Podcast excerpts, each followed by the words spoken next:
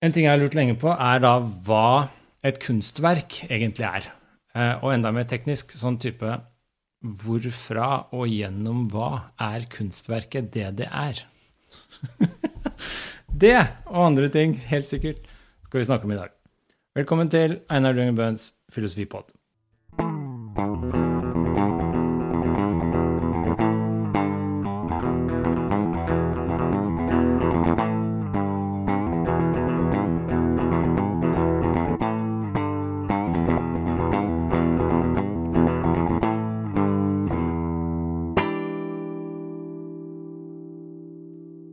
I dag har jeg med meg en ekspert på det vi skal snakke om. Ingvild Thorsen. Artig. Takk. Kan du si litt hvem du er?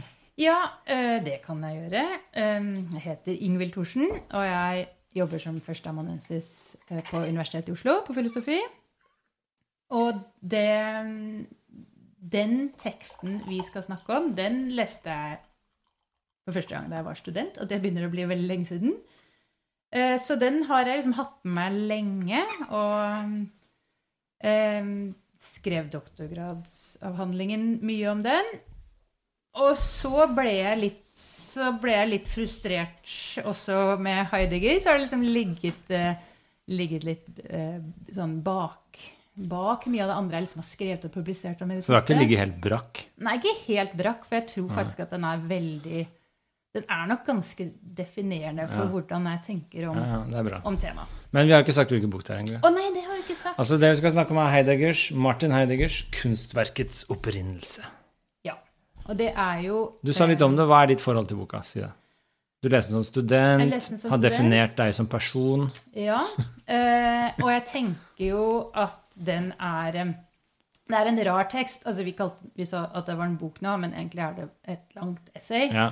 Eh, og det, noe av det som jeg syns er fint, er at den klarer å få noen litt sånn tekniske ting, også som Heidegger baler med på 1930-tallet, eh, til å bli langt mer forståelig og relevant enn mye annet. Eh, så det er en sånn intern til Heidegger-motivasjon som Jeg tror jeg kom til den litt sånn, for da jeg var student, så ble jeg liksom tenkte man, å, må lese mer av det som er mer og mer utfordrende og radikalt Ja. Og vanskelig, og endte opp litt der. Eh, men det som jeg tenker er bra med den nå, er jo at eh, den handler om kunst, og den handler om hvor På en måte eh, Selvfølgelig må, må vi begynne et sted som er upresist. Liksom hvordan mening og verdi kan oppstå i verden på en måte som orienterer oss. Ja. Som er sånn kjempesentralt viktig eh, poeng. Og den bryter fint, tenker jeg, med mange av de mer sånn standardmåten å tenke på så, eh, de spørsmålene. Så både kunstspørsmål og litt mer sånn systematisk hva filosofi skal være, og hvordan eh, liksom den sosiale virkeligheten Ja. også formes. Eh, For han tar jo opp mye. Det er liksom sannhet, det er tingen, det er alt mulig rart som tas opp i samme slengen. ja. Ja, Det er litt kult, syns jeg, med Heidegger. da. At Ja. får- Det er en kort tekst. Jeg leste den, jeg ser boka mi. Jeg kjøpte i 2001. Da var jeg bachelorstudent i Oslo. Jeg skriver alltid navn og årstall i, når. Ja, jeg kjøper en bok i permen. 2001, da var jeg bachelorstudent i Oslo, på UiO, hvor du jobber nå. Mhm. Når kjøpte du din? Ja, den norske tror jeg nok jeg bare har fått en eller annen gang fordi jeg, jeg måtte undervise om den i Norge. Men eh, skal vi se, jeg skrev, jeg skrev ikke noe årstall her i den tyske. Men, Tipper at vi er eh, kanskje et par år før deg. ja, fordi- men du var bachelorstudent, liksom? Når du fikk den første gang? Mm, Kanskje. Eller Ja. kanskje jeg akkurat hadde begynt på hovedfag. Det husker Ja. jeg ikke. Nei, Men fordi- det er i den perioden der. Ja. Det er jo en bok som jeg, jeg leste den den gangen, husker jeg, men jeg skjønte ikke så mye, tror jeg. Eh, Jeg ser hva jeg har gula ut Mhm. i ettertid. Det var liksom ikke det mest sentrale. men jeg har lest den flere ganger som voksen nå, da, fordi jeg har undervist inn og litt sånn. Og det, jeg syns det er en ekstremt berikende tekst. Så litt sånn hver gang du leser den, så er det som å lese den på nytt. Ja. Den, er, eh, den har veldig Du kan lage i hvert fall selv, selv Ja. veldig mange lag og veier. Og jeg tenker at det er litt sånn Det som kanskje er fint å si om den teksten, er at Heidegger selv ga den ut i en samling som på tysk heter Holzwege. Som eh, Ja, det høres ut som skogstier, men det også er sånne stier som kanskje ikke fører noe sted Ja.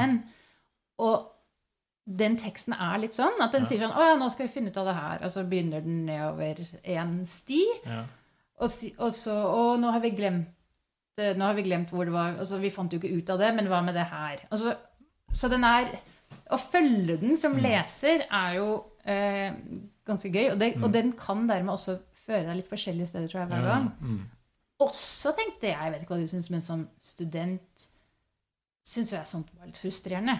Jeg var jo litt, likte jo, liker jo at ting er litt systematisk. Jeg er blitt litt bedre på det med åra. Å bare godta å følge tankebaner som ikke er så lett å lage system av. For, for sånn sett er den teksten Mm. eh, en utfordring, da. Liksom, hvis du skal prøve å liksom, Hva er de sentrale tesene, og hvordan understøttes de? Eh, det er ikke alltid så lett å nøste opp i. Jeg tror det er en vanskelig tekst å begynne med som student. Altså, Jeg fikk jo mye mer ut av den når jeg var ferdig og hadde begynt å jobbe og liksom hadde lang erfaring. Da Ja. får jeg noe mer ut av den. Som student var det veldig sånn Jeg skjønte litt her og der, men ikke noe særlig. Men det, men det jeg lurer på, er jo kanskje fordi vi var filosofistudenter. Fordi hvis det er én tekst av Heidegger som jeg syns virker som har veldig, veldig, veldig stor og, eh, leserskare, som når langt ut, Mm. så er det den her. Ja, ja. Liksom møte folk eh, som driver med kunst eller litteratur, f.eks., som kanskje syns at den er Mm. Altså for masse At den er viktig og gir masse Ja, enten innsikt eller assosiasjoner. Så den, det er kanskje en tekst som kan snakke på ganske mye forskjellig vis til folk. Ja. Det er jo litt kult med Heidegger at det er ikke sånn fagfilosofi for meg, masse referanser og name-dropping. Det er liksom ikke Nei, noe, Ja, det er jo litt name-dropping, da. Jo, men det er, relevant i, ja, men det er ikke sånn. noe relevant i teksten egen. Du kan lese den uten å ha lest de. Altså, Ja. Det er ikke sånn at han liksom antar at du har lest noen altså, Det hjelper å ha lest de andre som han nevner, men Mm. teksten hviler ikke på at du har lest noe annet, egentlig. Det er en ganske sånn selvstendig tekst. Ja. Og det syns jeg er litt kult med Heidegger. Altså, Og, altså, det er ikke jo- 100 referanser midt i en setning, det er liksom bare han sier det han skal si, også. Ja. Og det er mye lettere å begynne her hvis du hadde lyst til å prøve å lese noe Heidegger, enn å begynne med Ja, og for dette er den første boka jeg leste Ja, ja, det var det? Ja. Ja. ja. Men det tror jeg egentlig kanskje var et ganske fint valg. Altså Den teksten er den første jeg leste, og det andre jeg leste, var spørsmålet spørsmål om teknikken. Den teksten hans om teknologiens filosofi. Ja. Og den er også litt sånn som den her. Ja. Litt sånn selvstendig verk som du kan lese helt uavhengig av alt annet. Og som jeg oppfatter som litt sånn godt utgangspunkt for å komme deg litt inn i Heidegger, da. Ja. Og det er jo liksom den Det er jo ofte to sånne modi da, som Heidegger varierer med i mange av de der essayene, hvor han ja, begynner å spørre om noe. Her er det jo liksom Ja, hva er, eh, hva er essensen eller naturen til kunst, og, og hvor kommer den fra? Kommer det fra? Men um, så går han litt sånn historisk han, til verks, men så er det nesten det vi kanskje kan si mer sånn fenomenologisk, slår over i en beskrivelse som på en måte er, kan være veldig rik og liksom suggestiv, men eh, ja, det er den vekslingen mellom noe mer sånn filosofi internt og noe som man alltid kanskje tenker sånn Oi, hvor kom det her fra? Sånn som i, i det esset her, så er det jo en veldig kjent sånn episode her at plutselig så snakker han om noen sko av van Gogh, og man kan lure på hvor kom de fra inn i teksten. Um, og det er litt på en sånn litt sånn snirklete omvei at det plutselig det veldig kjente eksempelet introduseres. Mm, det er et godt eksempel, og vi kan komme til det etterpå. Men boka er vel fra 53, var det det? Nei, 35-36. 35, ja, så det var før krigen. Ja, og det er jo Teknologiens, ja, den er fra den 53. Ja, ja. ja Så Sånn det det. her, jeg tror han gir sånn første forelesning som overlapper litt med den her i 34, faktisk. Ja. Men så 35-36 er liksom denne versjonen. Og det er jo litt gøy å vite sant, at dette er jo 35, Heidegger er eh, Det er jo på høyden av hans karriere. Eller akkurat eh, sagt opp som rektor eh, på universitetet, hvor han liksom eksplisitt støtter eh, den nazistiske politikken. Og det er også en periode hvor eh, kunst er også politisk relevant. Da. Nazistene driver og diskuterer hva skal være liksom, den godkjente nazistiske kunsten. Mm. Og det, det er noe som jeg syns er kjempeinteressant, for jeg er opptatt av kunst og syns kunsthistorie er gøy. At de hadde jo der et øyeblikk hvor de kunne valgt tysk ekspresjonisme. Plutselig var det en sånn bevegelse som, var veldig, som hadde sitt senter i Tyskland, eh, som liksom var storkunst. Men det ble det jo til slutt, etter litt sånn ideologisk eh, dragkamp, enig om at det skulle være degenerert kunst. Og istedenfor sk- skal den tyske offisielle kunsten modelleres på det greske. Det klassiske. og da er det litt interessant at Heidegger skriver det her, hvor han har et sånt kla ja, klassisk eh, Han snakker masse om et gresk tempel. Ja. Men han hadde det ikke med først, men så velger han seg jo da liksom erkemodernisten i maleriet. Eh, postimpresjonisten van Gogh som, en Ja. viktig, som et viktig eksempel. Så noen leser litt sånn Ja, litt eh, eh, Litt utfordring inn i det. Eh, men, men det er i hvert fall sånn det er, det er viktig hvilke kunst, hva slags kunst som skal få lov til å hete stor kunst eh, i samtiden. Ja, han sier bare 'jeg er opptatt av den store kunsten', bare, sier han. Ja. Det er liksom det. Han Ja. gidder ikke å snakke om dårlig liten kunst, men han sier aldri ordentlig hva det er. ja, og det er kanskje litt sånn uh, Men det er interessant at du leser den litt sånn kontekstualiserer det litt. Vi er så dårlige på det, da. Så det er interessant at du, liksom, du leser den inn i den konteksten han var i der og da.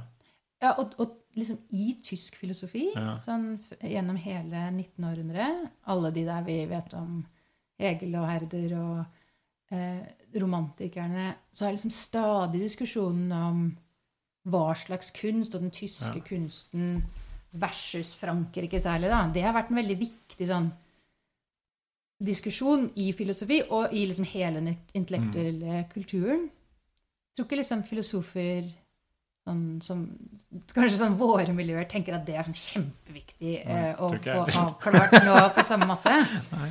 Eh, men det at det om stor kunst, det, tenk, det viser også noe annet At jeg tror at Der tror jeg for liksom, Min interesse har endra seg litt i den, i den teksten her. Men jeg tror ikke Heidegger er veldig opptatt av å komme med en definisjon av hva kunst er, som skal, liksom, skal sette opp Nei. eh, nødvendige kriterier og avgrense, sånn at vi, og sånn at vi favner alle de rette individene i definisjonen. Det er ikke sånn type ontologi. Av og til så tenker man Eller et, en måte å snakke om kunst på i filosofien er å liksom finne ut av hva, hva er kunst, og så Ja. definere det. Det er definisjoner her òg, men det handler nok ikke om liksom å dekke alle tilfeller, men å prøve å artikulere noe Men er ikke det sånn stien du var inne på tidligere? Er ikke det Ja. sånn metoden hans? Han tenker sånn jeg går nedover en sti, jeg, går liksom, jeg, jeg utforsker, jeg utspør. Ikke sant? Det er ikke sånn, Du spør ikke, stiller ikke spørsmål og svarer, du, liksom, du utspør et fenomen. Du skal liksom avkle det. Og det er jo dømt til å aldri lykkes med en nødvendig og tilstrekkelig betingelsesdefinisjon. Eh, Så du jobber deg bare innover og utover og nedover, gjør du ikke det? Er ikke det litt sånn Heideggers tenkning? Altså eh, path of thinking, eller sånn tankesti? Ja. Eh, jo, men det blir jo noen ting på den veien som Ja. høres ut som en, den, den viktige kjernekarakteristikken, da, i hvert fall. Ja, Vi kommer jo til det, da. Ja. Men jeg hadde lyst til å spørre, før vi begynner litt sånn ordentlig med boka Du sa den boka definerte ditt syn på kunst. Hva mente du med det? Eller definerte deg litt når du var ung? Um, Det var en viktig bok for deg? Var det bare tull? Ja, jo, den var viktig. ja. Um, det, ja, det er sånn retrospekt, da. ikke sant? Hvordan var det egentlig den første, først, Nå tenker jeg at det er blitt sånn at det som er kjempebra med den, er at den eh, bryter med liksom standardmåter å tenke på Mm. temaene. Eh, Så noe er det derre liksom definisjonstingen. Den er veldig tydelig på at kunst er historisk, Mm. og vi må forstå hva det betyr. Men det liksom Den er ikke særlig opptatt av liksom estetikk, sånn som i sånn hva slags, hvordan, hva slags estetisk erfaring har man. Det er ikke Ja. så veldig sentralt for Heidegger. Han, han synes det, faktisk syns han sånn Mm. opplevelsesfokus er veldig negativt. Mm. Um, men det viktigste er at, at kunstverket blir en hendelse. Ja, Eh, og det, den tanken, den tror jeg liksom jeg holder Det skjer noe i verket. Ja, Ja. den eh, Kunsten, er liksom litt ja. formativ for meg. Jeg liker veldig når han sier at, jeg liker når han sier at kunsten iverksettes. Altså den settes i verket. Ja. Sånne ordspill det er veldig fascinerende med Ja, og virker, Ja, ikke så kunstverket er det som virker i verket. Altså det er veldig sånn ordspill som er veldig Ja. gøy. Det skal vi komme til, da. Men ja, ok, så når jeg leser kunsthistorie, eller kunstfilosofi, da, Mm. først og fremst er det først og fremst leser, så uh, er det egentlig bare tre verker jeg syns er gøy å lese om igjen og om igjen. Og om igjen, og det er poetikken av Aristoteles. Mhm. Og så er det kritikk av dømmekraften av Kant. Og så er det denne her, 'Kunstverkets opprinnelse' av Heidegger. Ja, må legge til noe. Ja, men det er de tre jeg tenker er sånn, De leser jeg alltid om igjen og om igjen, sånn en gang i året omtrent, og syns det er kjempegøy. og Jeg liker de, de er en sånn utømmelig kilde. da. Hvilke andre vil du legge på i rekka? Jeg har brukt veldig mye tid på å lese Hegels estetikk, eller Å, ja. forelesninger om kunst. Det er 1200 sider, da, så Ja, det er jo mye å ta av. Men de syns jeg også er eh, Ja, eh, rike. ja. Jeg leste den norske oversettelsen som bare er et utdrag. Sånn der, Det er innledningen. ja, den leste jeg i sin tid. Ja. Mm. Men det er så abstrakt. skjønner du. Hvis du kommer litt lenger ut i verket, så vil du oppdage at Hegel, litt til forskjell fra mange andre filosofer som skriver om Mm. kunst, tydeligvis var veldig opptatt av kunst. Og Ja. gikk og så ting og leste ting. ja. Og, um, så Gjør du det? Ja, til og fra. Jeg må jo innrømme at jeg, jeg var mye mer aktivt sånn kulturmenneske, skal jeg si, eh, før jeg ble mor. Det kommer litt i veien. Ja, men tar du ikke med unga, altså? Ja, jo, men eh, det er liksom sånn nå, da, hvis du begynner å få noen tenåringer som liksom bare depper rundt i museum, det er litt distraksjon. Men jeg mener husker du sa til meg en gang at du ble dratt med ut på museer når du var barn. Ja. Og det satte du veldig pris på i ettertid. Jeg likte til og med da, men broren min trua meg å hoppe ut et vindu en gang. Så da, eh, men vi begge, selvfølgelig, det, Ja, da vi ble store, Ja, så går vi museer når vi drar til en Tenker du ikke det om dine sånn. egne barn? Tving dem med, Jo, altså. jo, Ja. jeg tar det med, men, bare men jeg skulle ha dem i bånd, de ikke hopper ut av vinduet. mye mer, da. Jeg, Um, jeg tvinger mine barn masse til sånt. Ja, i går var jeg faktisk på en helt fantastisk konsert. Dette ble kanskje litt sånn ja. en sti til side. Skal ikke Ja, gå for langt ut av det er en heidegersk eh, sti. Ja, vi var eh, på en eh, klaverkonsert med Leif Ove Ansnes. Ja, det var det. så fantastisk i operaen. Men der var det jo veldig Der var jeg jo ung. Det er, jeg syns av og til det er gøy at jeg kan være ung i noen Ja. settinger fremdeles. Men det var ingen barn. Jeg tror det var ett barn der. Hadde du med barna? Nei, vi hadde Nei. ikke barna. Men det må være stille. Ja. Nei, vi tok med alle tre på den derre Carmen, vi, i operaen. Ja. Ordentlig sånn Carmen, sånn tre timer eh, ja. med pause i midten. Og og- var jo skikkelig sånn vovet sexy, den der Ja, den var skikkelig hot. Altså, Ja. Og den varte jo kjempelenge. Og vi tok med alle tre, og vi kjøpte på fremste rad. Vi kjøpte den dyreste billetten. Vi satt helt foran. Jeg vet ikke om det var dyrest, men det var jævlig dyrt. Ja, men det, ja, det her er jo det er god investering. Ja, og så satt vi helt foran, og alle tre var liksom veldig sånn De satt der og fulgte med og var fornøyd etterpå og syntes det Ja. hadde vært gøy. Ja. De hadde ikke noe lyst til å gå sånn i utgangspunktet, tror jeg. Men de ble med sånn, ikke noe veldig kriging. Ja, det kan ikke være standard. Har du, men det var jo så hot, ikke sant? Det var damer med masse korte skjørt og store pupper, og de det tre tenåringsgutter de satt foran og syntes det var litt kult da, å se på. Mm, Så jeg tror, jeg tror det var en opplevelse. Det er, det er også mange menn med lite klær og, og hotte menn. For, for, for å få sagt det, så er liksom Nei, det snakka ikke vi eh, om. Mange kan finne ting du liker. Ja. Noe for far og noe for mor. Ja, det er bra. Nei, men altså, jeg tror det er viktig å gjøre det for å sette litt sånne referanserammer. da. Ja. Jeg likte at det du sa, at du senere satte pris på det. Ja.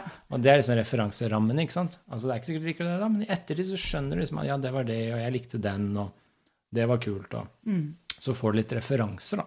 Sånn, nok vært Knagger å henge ting på. eh, Ja. Jeg liker godt å gå i teater, og så har jeg vært ganske mye opptatt av visuell kunst. Så Ja. liksom de, den måten jeg har skrevet på Heidegger eller jeg har skrevet om Heidegger på, Mm. der har jeg hatt mye sånn ja, knyttet det til spørsmål særlig om modernisme. For det var sånn jeg først lurte veldig på.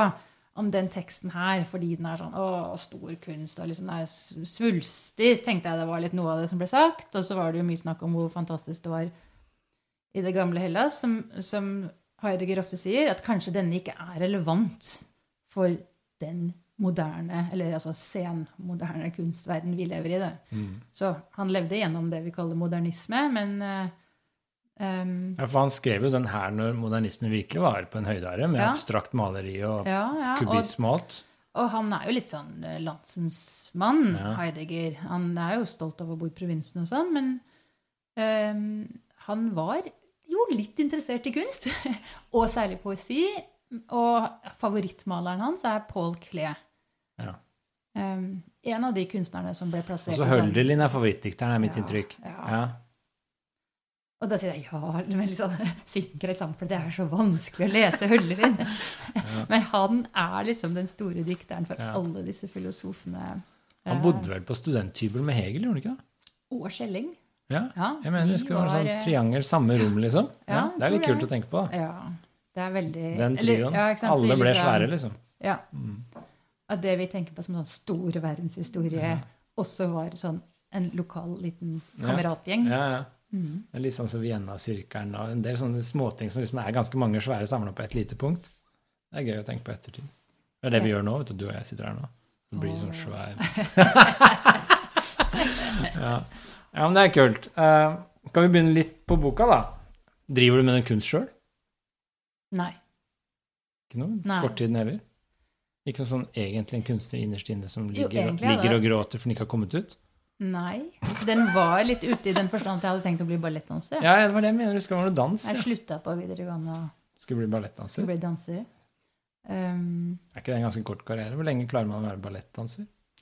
jo, nå er jeg vel så gammel at jeg sannsynligvis hadde måttet ha blitt pedagog, eller Ja, altså um, ja. For det er litt sånn som toppidrett. Du holder ut i 30-åra og ikke noe lenger, liksom. ja. Ja. Ja, det er litt forskjellig. Det er jo folk, hva folk tåler, og litt, Mm. også hva slags former for dans.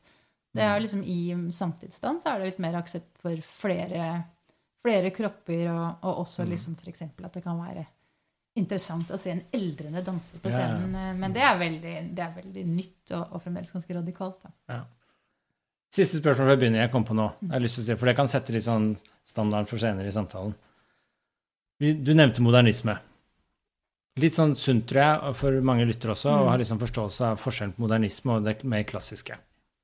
Så jeg har, et, jeg har et forslag nå. Jeg har en veldig sterke mening om det her. Ja, okay. Så jeg kan si en sånn grov, veldig sånn grovskisse forklaring på forskjellen, og så kan du si hva du tenker, og så går vi videre. Fordi jeg tror det Jeg leser jo Heidegger litt sånn inn i en klassisk tradisjon. Mens du kanskje hadde vært litt kult, hvis jeg forsto riktig, at du kanskje leser den også litt mer inn i en moderne tradisjon. Modernistisk tradisjon. Ja. Og det kan være litt kult å se senere. Så når jeg tenker på modernisme, så tenker jeg på en sånn kunst- og kulturbevegelse som kom sånn type slutten av 1800-tallet, eh, rundt århundreskiftet der, men spesielt mot slutten av 1800-tallet, eh, med noen franske malere blant annet. Eh, Munch var vel kanskje litt med på å bryte der, og en del sånne ting, hvor man begynte å bryte litt sånn rammene for, den, klass- for måten en bestemt kunstform skulle gjøres, utøves og lages på. Så man begynte liksom å lage atonal musikk. Sånn Schönberg begynte å spille sånn ikke sånn, bare sånn rot, egentlig. For noen, da. Det opplevdes veldig sånn rotete. Det var ikke sånn i harmonier, og det var ikke Så han begynte å spille litt sånn pling-plong-aktig. Og så var det malere som begynte å male abstrakt. De begynte å male kubistisk med Picasso litt senere. De begynte å male impresjonistisk og ekspresjonistisk. De brøt de rammene for sånn figurativ maling som skulle ligne på noe. Uh, og uh, i litteratur så er det som eh, Ulysses med James Joyce er sånn klassisk eksempel på moderne, modernistisk verk, hvor liksom tankene bare flyter. Det har ikke noe klassisk narrativ struktur.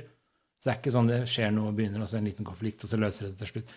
Det er bare en strøm av tanker gjennom et døgn. I Dublin er det vel. Så, Aristoteles ville ikke Aristoteles, poetikken, som er det klassiske så vi skal se på hva Det det tenker jeg på som modernisme. da. Altså Det er liksom Picassos kubisme, det er James Joyce Ulysses, og så er det Schönberg i musikk. Det er sånn klassiske modernister, som jeg ser det. Men eh, kan jeg Ja, men bare det klassiske også okay. først. Fordi det klassiske, det jeg tenker på som klassisk, er det som springer ut av Aristoteles poetikk. Der er det litt sånn du definerer hva en sjanger er, og så finner det sin form, og så perfeksjonerer du den sjangeren. Og det har et narrativ, det har en begynnelse, en slutt og en midte. Det har liksom en, en fortelling, det skal forløse noen følelser i oss. Det skal være gjenkjennbart. Det skal etterligne noe. Den mimesis-uttrykket at kunsten skal etterligne noe bestemt, skal være representasjonskunst. Repres- Hva er det på norsk? Representational. Det skal være litt sånn etterligning, liker jeg å si da, herming etter noe. Det bør ikke være sånn konkrete ting. Så et klassisk figurativt portrett av deg, det beste av det, er ikke sånn at det bare ligner på deg som et fotografi. Det er kjempekjedelig, men det etterligner på en måte deg som person, så du får den gjenkjennbarheten, da. Det er liksom det klassiske, sånn jeg tenker på det. Og det er det som springer ut av Aristoteles og de grekerne og litt sånn type helenistiske perioden på 300-tallet er liksom høydere for det. Hvor skulpturene var bare sånn vakre kropper som du ser med en gang hva det er. Og så kom disse modernistene på 1800-1900-tallet og brøt med det og lagde abstrakte skulpturer og musikk som ikke hang på greip, og litteratur som ikke hadde noe bestemt narrativ, og det plutselig slutta midt i uten noe slutt. Og de brøt med standardene, da. Det er litt sånn jeg tenker på. Ja. Enig eller uenig? Hva er din, Ja, hva er din korte definisjon? Eh, Jeg tenker at kanskje den mest interessante måten, eller en annen måte å tenke på modernisme på, er at man eh, stiller spørsmål At det er en refleksivitet på en annen måte. Så at man stiller spørsmål gjennom praksisen, f.eks. Hvis Ja. man er en filosof eller en maler. Om hva det er man gjør. Og på en måte også da er med på å utforske grensene for hva man kan gjøre i en form ofte. Ja. Så det er Det var litt det jeg mente. ja. Ja. Men når jeg sier det sånn, så mener jeg at du burde jo være enig i at det er jo selvfølgelig veldig filosofisk. Altså det er ganske parallelt til det filosofer også gjør i denne perioden, og, og som Heidegger gjør. Mm. Sånn hva er tenkning egentlig, og hvordan kan man tenke? Man må forholde seg til en, en arv, fordi den setter masse eh, ja, begrensninger på godt og vondt. Da. Gir liksom eh, struktur til det som kan tenkes. Men så prøver man prøver han hele tiden å presse på språket og tanken og den arven han har, til å se om han klarer å tenke noe nytt og noe Ja. annet. Mm. Og det er, det er det jeg tenker at, at eh, blir veldig sånn eksplisitt mål med mye kunst i den perioden. Mm. Um, Det er jeg enig i. Jeg tror vi er enige Ja. der. Det er ikke Ja. noe forskjell på det vi sa der. mm, nei, nei, kanskje ikke. Men, eh, men jeg tenker det, at det, kanskje du ville vært enig i at uh, det var um, verdifullt. Og tilførte kanskje noe mer enn Ja. det klassiske idealet. Nei, altså det, mitt, Som kanskje du ikke det, det, det er ikke noe at alle trenger det alltid, men Nei. kanskje innen, når vi kommer til 20. århundre, Ja. hvis kunsten skal være relevant for oss, så må den klare Nå, ble, Ja. nå snakker jeg egentlig veldig hegelsk. Jeg er litt Ja. hegeliansk hjørne for tida, ja, liksom historien spinner, uh, ruller, ja, ruller liksom seg ut med et nei, mål. Men det er Ja. noen ting vi trenger å forstå, også Ja. om oss selv, og så leter vi etter måter å artikulere det på, og det blir annerledes i 1935 enn det blir i 200 år før Kristus. Ja, ja. Liksom. Nei, jeg er enig i det, men tenker, mitt problem med modernisme er bare at det gikk for langt for fort. Altså Det oppløste seg for mye for fort, slik at du mister kvalitative rammer som, til å bedømme det, f.eks. Altså, det er helt umulig å si om et verk er bra når du ikke vet hvilke regler som følges. i det hele tatt. Da er det kun sånn hva, hvordan opplever jeg det? Og da blir det så innmari sånn narsissistisk. Sånn jeg liker fargen, og jeg liker det godt, og så går det ikke an å si noe mer. Og så er det bare sånn ja, det var interessant, og så har du ikke mer å si. Dette Og, er dette. og det syns jeg er veldig hemmende, da, sånn intellektuelt. Heidegger er kjempebekymra for det Så det stiller noen spørsmål. Jeg er enig med deg. Det å utforske sånn som eh, Pollock og Rothko, sånn, de liksom hadde abstrakte malerier hvor de kasta drip paint som Pollock, eller de hadde han, eh, Rothko malte liksom bare sånne røde flater sammen med siden av hverandre, så er det jo artig å se hvis 5% gjør det. Men når liksom alle skal gjøre sånn, utforske for å utforske, så mister på en måte vi alle rammer, og da blir det jo helt sånn meningsløst. Altså Det blir ikke noen progresjon, det blir bare kaos. Og det går ikke an å si om dette er bra, annet enn bare sånn Jeg liker det. Og det er egentlig helt uinteressant at du liker det. Jeg vil vite om det er noe bra, jeg. Faren er vel kanskje det som eh, at, at enten så får du en sånn helt sånn institusjonalisert kunst, altså Ja. som bare har mening gitt den institusjonen den prater med, og siste moten, og altså blir veldig sånn selvrefererende. Eller det Heidegger eh, er veldig bekymra for. Det høres av og til ut som han tenker at det meste er det for tida. Det er det på tysk kan kalle at kunst blir er, liksom en erlebnis erregerer. Altså det er bare noe Vi forstår det bare som noe som skaper, forårsaker en erfaring i oss. Men da kunne man jo dratt på Tusenfryd, liksom. Ja, jeg er helt og enig. eh, berg-og-dal-bane. Og Helt det er derfor jeg, derfor jeg liker Heidegger. ja. Ja. ja, men, og det, da, det er et helt åpent spørsmål, tror jeg Ja, han tenker seg, hvorvidt dette er skjebnen til mye kunst. Hvis du går på en moderne utstilling i dag, da, en modernistisk utstilling, sånn klassisk modernistisk hvor alt skal utforskes og stilles spørsmål ved, heller enn å liksom fortelle oss noe Jeg liker det klassiske narrativet, fortellinger som vi kan sitte og tenke på og dvele ved, og som har en struktur som jeg forstår ganske umiddelbart, men som er kommuniserer på en åpen nok måte at den ikke blir kjedelig. Sånn liker jeg. Går du på modernistisk utstilling i dag, og alt er eksperimentelt, og ingenting er sånn du umiddelbart kjenner, og du forstår veldig lite, og du må begynne virkelig å sette kognitiv apparatet i gang for å skjønne noe, så hvis du hører etter hvordan folk snakker om det, da, så er det sånn Ja, dette var interessant. Og så er det sånn Ja, jeg liker den fargen der. Det er helt sånn der, altså Det kommer ikke veldig dypt. Altså Det er ekstremt overfladiske bedømmelser. Og så er det sånn Ja, denne kunstneren har det sikkert spennende. Eller det er, det er, altså det er bare sånn rundt grøten. da, Det er ikke noe substans. Men hvis du går inn i et klassisk stykke, sånn som Ødipus, teaterstykket til Sofoklus, så er det sånn Det kan du snakke om i evigheter og komme så dypt du bare kan i en menneskelig psykologi. Det kan ikke med det veldig mye modernistisk kunst, sånn jeg ser det. Det blir bare sånn herre Hva føler jeg nå? Og det er sånn Ja ja, det er jo artig, det, liksom, men i liten nok mengde. det er mitt problem. Jeg tror kanskje at jeg har Jeg blir så lei nå, liksom Ja, jeg har litt flere opplevelser som ikke er helt sånn. da. ja. Men jeg har noen Jeg overdriver Men, litt nå for å eh, make a jo, point, ja, men Og det tror eh, jeg folk kjenner igjen. Også, men modernismen, strengt tatt, sånn som vi snakket, den har jo også blitt historisk. Altså, nå er vi jo nå det Ja, nå vet jeg ikke hva vi skal karakterisere det lenger akkurat nå, men altså det er, nå tenker jeg på den perioden på begynnelsen av 1900-tallet hvor Ja. alt ble veldig eksperimentelt. Og det skulle, du stilte ut et pissoar for å utfordre hele begrepet om hva kunst er. ikke sant? Mm. Og da blir det så intellektuelt lek. Og da nærmer du deg filosofien, det er jeg enig med deg i. Men det som ofte skjer, er at det blir dårlig filosofi også. Fordi kunstnerne har jo ikke sittet og jobba med det her filosofisk. De bare stiller noen spørsmål som åpner for refleksjon, og så er det litt sånn Estetikken er borte, det skjønne er borte. altså Det som var målene med liksom, kunsten, er blitt litt oppløst og borte. Og da er det noe annet. Og det andre syns jeg er litt sånn overfladisk. Jeg liker veldig godt ett skille, en setning som jeg lærte av en veldig stor norsk kunstner. eh, og Det var at det er noe kunst er dyp i sin overfladiskhet, og noe kunst er overfladisk i sin dyphet. Og det er det første jeg liker. Ja. Um, men jeg tenker at nå er vi i en sånn veldig mangfoldig tid, da, hvor det finnes mye kunst av den, den dype sorten. Så finnes det jo noe som er sånn overfladisk på begge nivåer på en gang, Mm, ja, ja. og med vilje. Eh, sånn kunst og sånn, det er jo synes Mm. jeg er kjempekjedelig. Men, eh, men ikke sant eh, Men det kan jo fort bli litt dypt da, i sin overfladiskhet. Fordi det er så gjennomført overfladisk. Men kanskje Jeg tror noe av det du kanskje peker på, er liksom om kunsten Hvor, hvor avhengig er kunsten blitt av kritikk for å artikuleres? Liksom, klarer den å snakke alene? Um, Heidegger skriver ikke så mye om det, men han, kan, han har jo studert Hegel og refererer en del til Hegel i- i etterordet hvor han lurer på om kunsten er død spør han bokstavelig talt. Um, sterkere enn Hegel formulerer det. Men, men Hegels poeng er jo liksom at det fremdeles kan jo fortsette å være kunst, men kunst klarer på en måte ikke å Hvis den skal være viktig, så er det det som er viktig nå, det er så komplisert at du trenger filosofi eller kritikk Ja. da, til å liksom akkompagnere kunsten for å artikulere det vi trenger å tenke på. Så det kan hende ikke sant, ikke sant? historisk ulike situasjoner Ja. for kunsten. Så jeg er, litt, jeg er ikke sikker på om Men for meg er det Eh. mye filosofi i klassiske verker. da. Altså Det er ikke sånn at det blir Jo, men det spiller jo noen rolle om det er Altså, å male eh, ikke sånn representasjonell Hvordan sier man på norsk? da?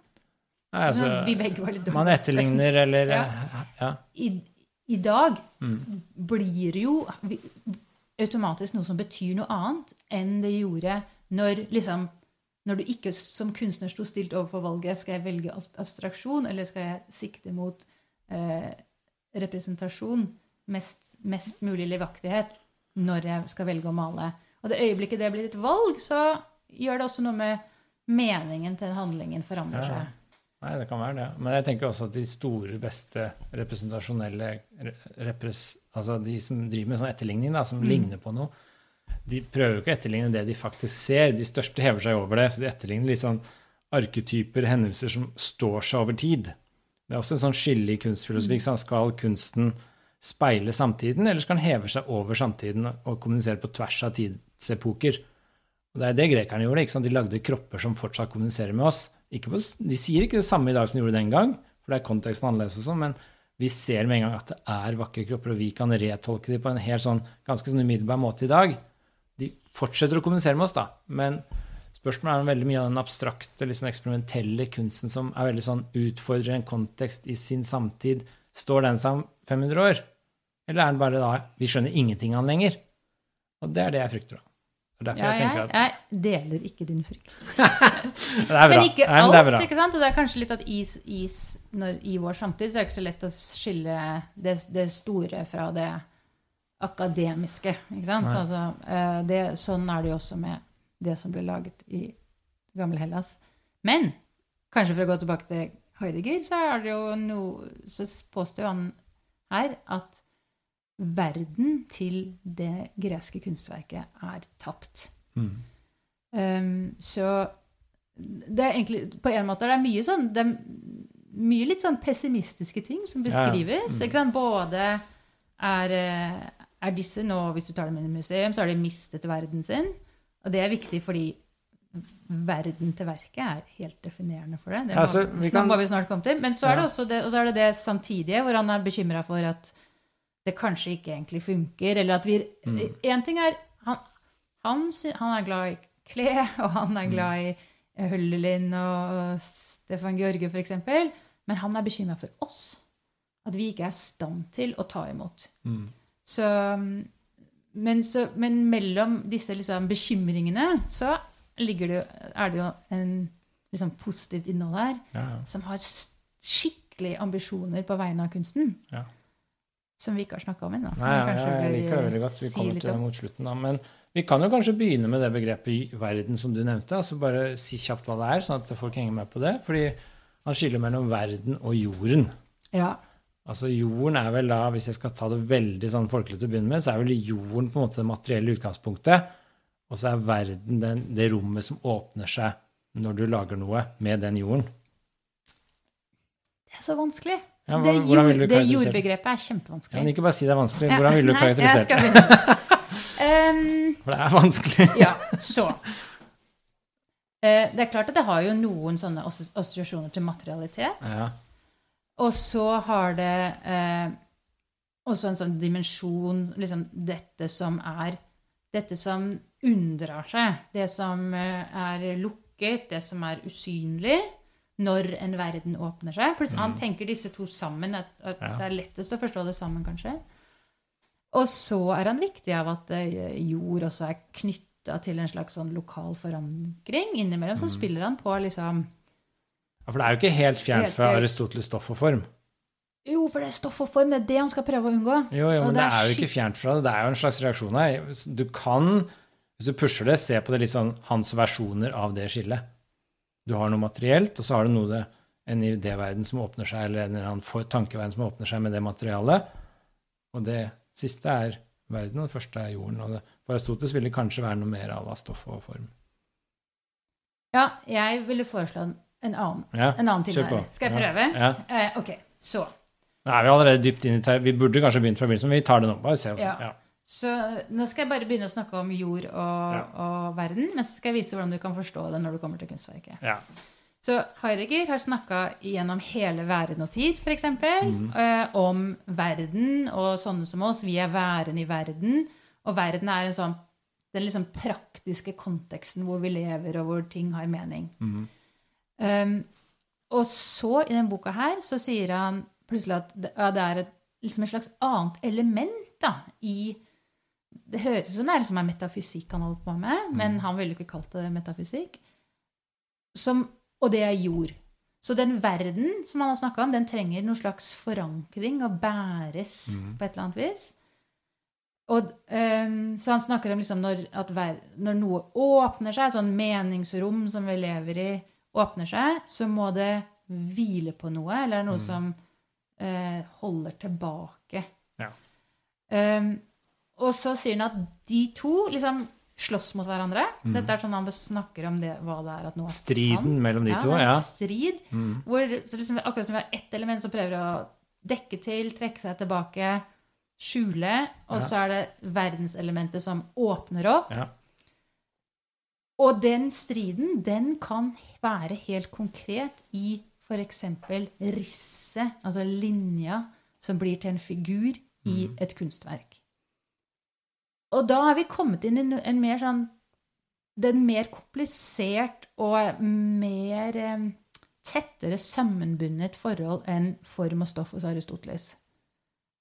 Eh, så da snakker vi både om noe som er materialitet, men Mm. også om en slags en, Noe som kjennetegner væren. Da. Ja. Det hva det er å være i det hele tatt Mm. for Heidegger. Så Jeg er enig i alt det du sa nå. eh, ja. Altså jeg tenker Men det på- men det er litt et van- men det er vanskelig. Ja, men som et utgangspunkt. altså Aristoteles Mm. tenker på en ting som en substans, da, som en sammensatt av form og stoff. Altså, Mm. Og det intuitivt da, så er det stoffet er liksom det materielle, og formen er formen det stoffet, det materielle har. Setter du det sammen, så får du et objekt. Mm. Så alene så er jo stoffet bare rent potensial. Det er ingenting. Ja, det, er- det er det vi kan form? kalle en analytisk todeling. Ja. Ethvert verne består av begge deler. Ja, og Heidegger har jo den kamp... Så det jeg mente, er bare at han utdyper det litt videre, eller gjør om på det. eller sier egentlig bare at det er en strid mellom det, det, det festede, det materielle, som jeg ser på det, det materielle, det som ting festes i, og den formen, de ideene som kommer i det, gjennom det. Han snakker om å være igjennom noe, som jeg liker veldig godt, som jeg har begynt å bruke mye tid på. Det er å være igjennom noe. Ok, her kan jeg avbryte og være uenig, da. Ja. Så form og stoff fra Aristoteles, det er eh, kategorier som hjelper oss å tenke på ett værende, altså en ting. Mm. Det Heidegger skikkelig stritter imot og mener er liksom, det som er problemet med metafysikk, er at man tenker på væren som ting. Ja. Og da får du sånne teoretiske oppdelinger, sånn som det du beskrev hos Aristoteles. Og nå skal vi jo tenke på væren som noe som skjer. Ja, jeg er helt en enig. Ja. hendelse. Og da blir jord og verden heller på en måte beskrivelser altså, vi, Jeg hadde underviser det her i høst, så har jeg et Heidegger-seminar. Og liksom eh, Et sånn forslag vi studentene eh, og, sånn, og jeg hadde sammen, er at ja, liksom, det er litt sånn som krefter, nesten. Det, er noe, det er knyttet til dette eh, altså mer, sånn, mer verb enn substantiv. ikke sant? At det er noe som skjer, og de virker mot hverandre og sammen, og så manifesterer det seg Ja. i ikke i ting, men i hendelser. For det er jo det som er den store utfordringen for tanken i den teksten her. At vi skal begynne å tenke på kunstverket ikke som en ting, men som en hendelse. Helt enig. Ikke noe uenighet der. Ja. Jeg mener bare at det, var, det er et utgangspunkt å ta i Aristoteles der for å forstå hva Heidegger mener med jord og verden. Ja. Altså, det Utgangspunktet begynner der, men som vi skal se, det er ting som skjer her. og Dette er en, mer en sånn hendelse-prosessbasert ontologi enn en sånn ting. Ja. At det fins en ting med en egenskap. Sånn statisk så er det mye mer dynamisk Ja. Heidegger, som vi skal se. Og det tror jeg kommer egentlig fra hans Han er jo veldig opptatt av Heraklit, en sånn førsokratisk filosof som mente at alt var strid. Det er jo slagordet hans. Alt er strid, alt skapes i strid, alt er noe som skjer. Eh, du kan liksom aldri trå i den samme elven to ganger, for det er noe som skjer hele tiden. Det er en prosess. Sånn leser jeg Heidegger ut også. Ja, og han, det, der, altså det der polemos-motivet, så Ja. polemos er striden på gresk, ja, der vi har polemikk fra og sånn, det, det går igjen i flere tekster av. Heidegger, særlig på 30-tallet. Og så blir det mye mer Det er mye mer forsiktig å la ting være i Heidegers tenkning. Må jo nevnes etter krigen. Altså, det er noe med um, det, det, er, det, er så, det er litt vanskelig å høre det strid, strid og jord ikke sant? midt på 30-tallet, når det liksom har blått om båten-ideologi, og det bygger opp til stor krig, uten å hvert fall liksom at det resonnerer eh, litt med det. Jeg, jeg tror, det er ikke det Heidegger eh, Jeg tror ikke han forsøker liksom, å, å, å liksom gi heideggeriansk nazisme her, men det er i hvert fall påfallende at det forsvinner litt. Ja. Det der er, ja, det er kjempeinteressant. Jeg bare er så dårlig på Jeg leser bare det Jeg bare prøver å få den ut av boka. Som, jeg tenker ikke på konteksten rundt. Det er min svake punkt. Men, og jeg tror, hvis du skal være skikkelig jeg leser, ikke, jeg leser aldri kontekst, nazisme nazismen i Heidegger. Jeg skjønner ikke Jeg skjønner liksom hvis jeg prøver Jeg overdriver litt. Jeg Mm. kan jo skjønne det, men jeg gjør det liksom ikke. Nei, men det gjør ikke jeg heller. Eh, Det er, det er ikke god nazistisk ideologi Nei. i det her. Nei. Um, Det er samme Nietzsche. ikke sant? Alle skal lese nazi inn i Nietzsche, men det var jo lenge før nazismen og han, to ting han hata, så var det liksom nasjonalisme, sosialisme og, og sånne ting som nasjonalsosialisme sto for. da. Eh, Ja. Antisemittisme hata jo Nietzsche. ikke sant? Altså Han hata jo egentlig alt det nazi sto for, og så tok de han til inntekt. Så jeg bare leser filosofen for det de sier. ja. Men det er Ja. greit. Vi skal ikke gå inn på nazi-ideologi her. Kan jeg si en ting til på Mm. det du sa? For jeg tror ikke vi er egentlig er uenige der. Jeg tror det er helt, helt fint det du sier, for Heidegger sier jo også at uh, disse klassiske begrepene, når du, som du sa tidligere, begynner litt sånn historisk. Mm. Og i begynnelsen så snakker han om hva det vil si å være en ting. Ha tre forståelser av hva det vil si å være en ting. Uh, og det ene er som bærer av egenskaper, og det andre er som eh, et sanseenhet. Uh, og det tredje er som substans, sånn som vi snakka om stoff og form.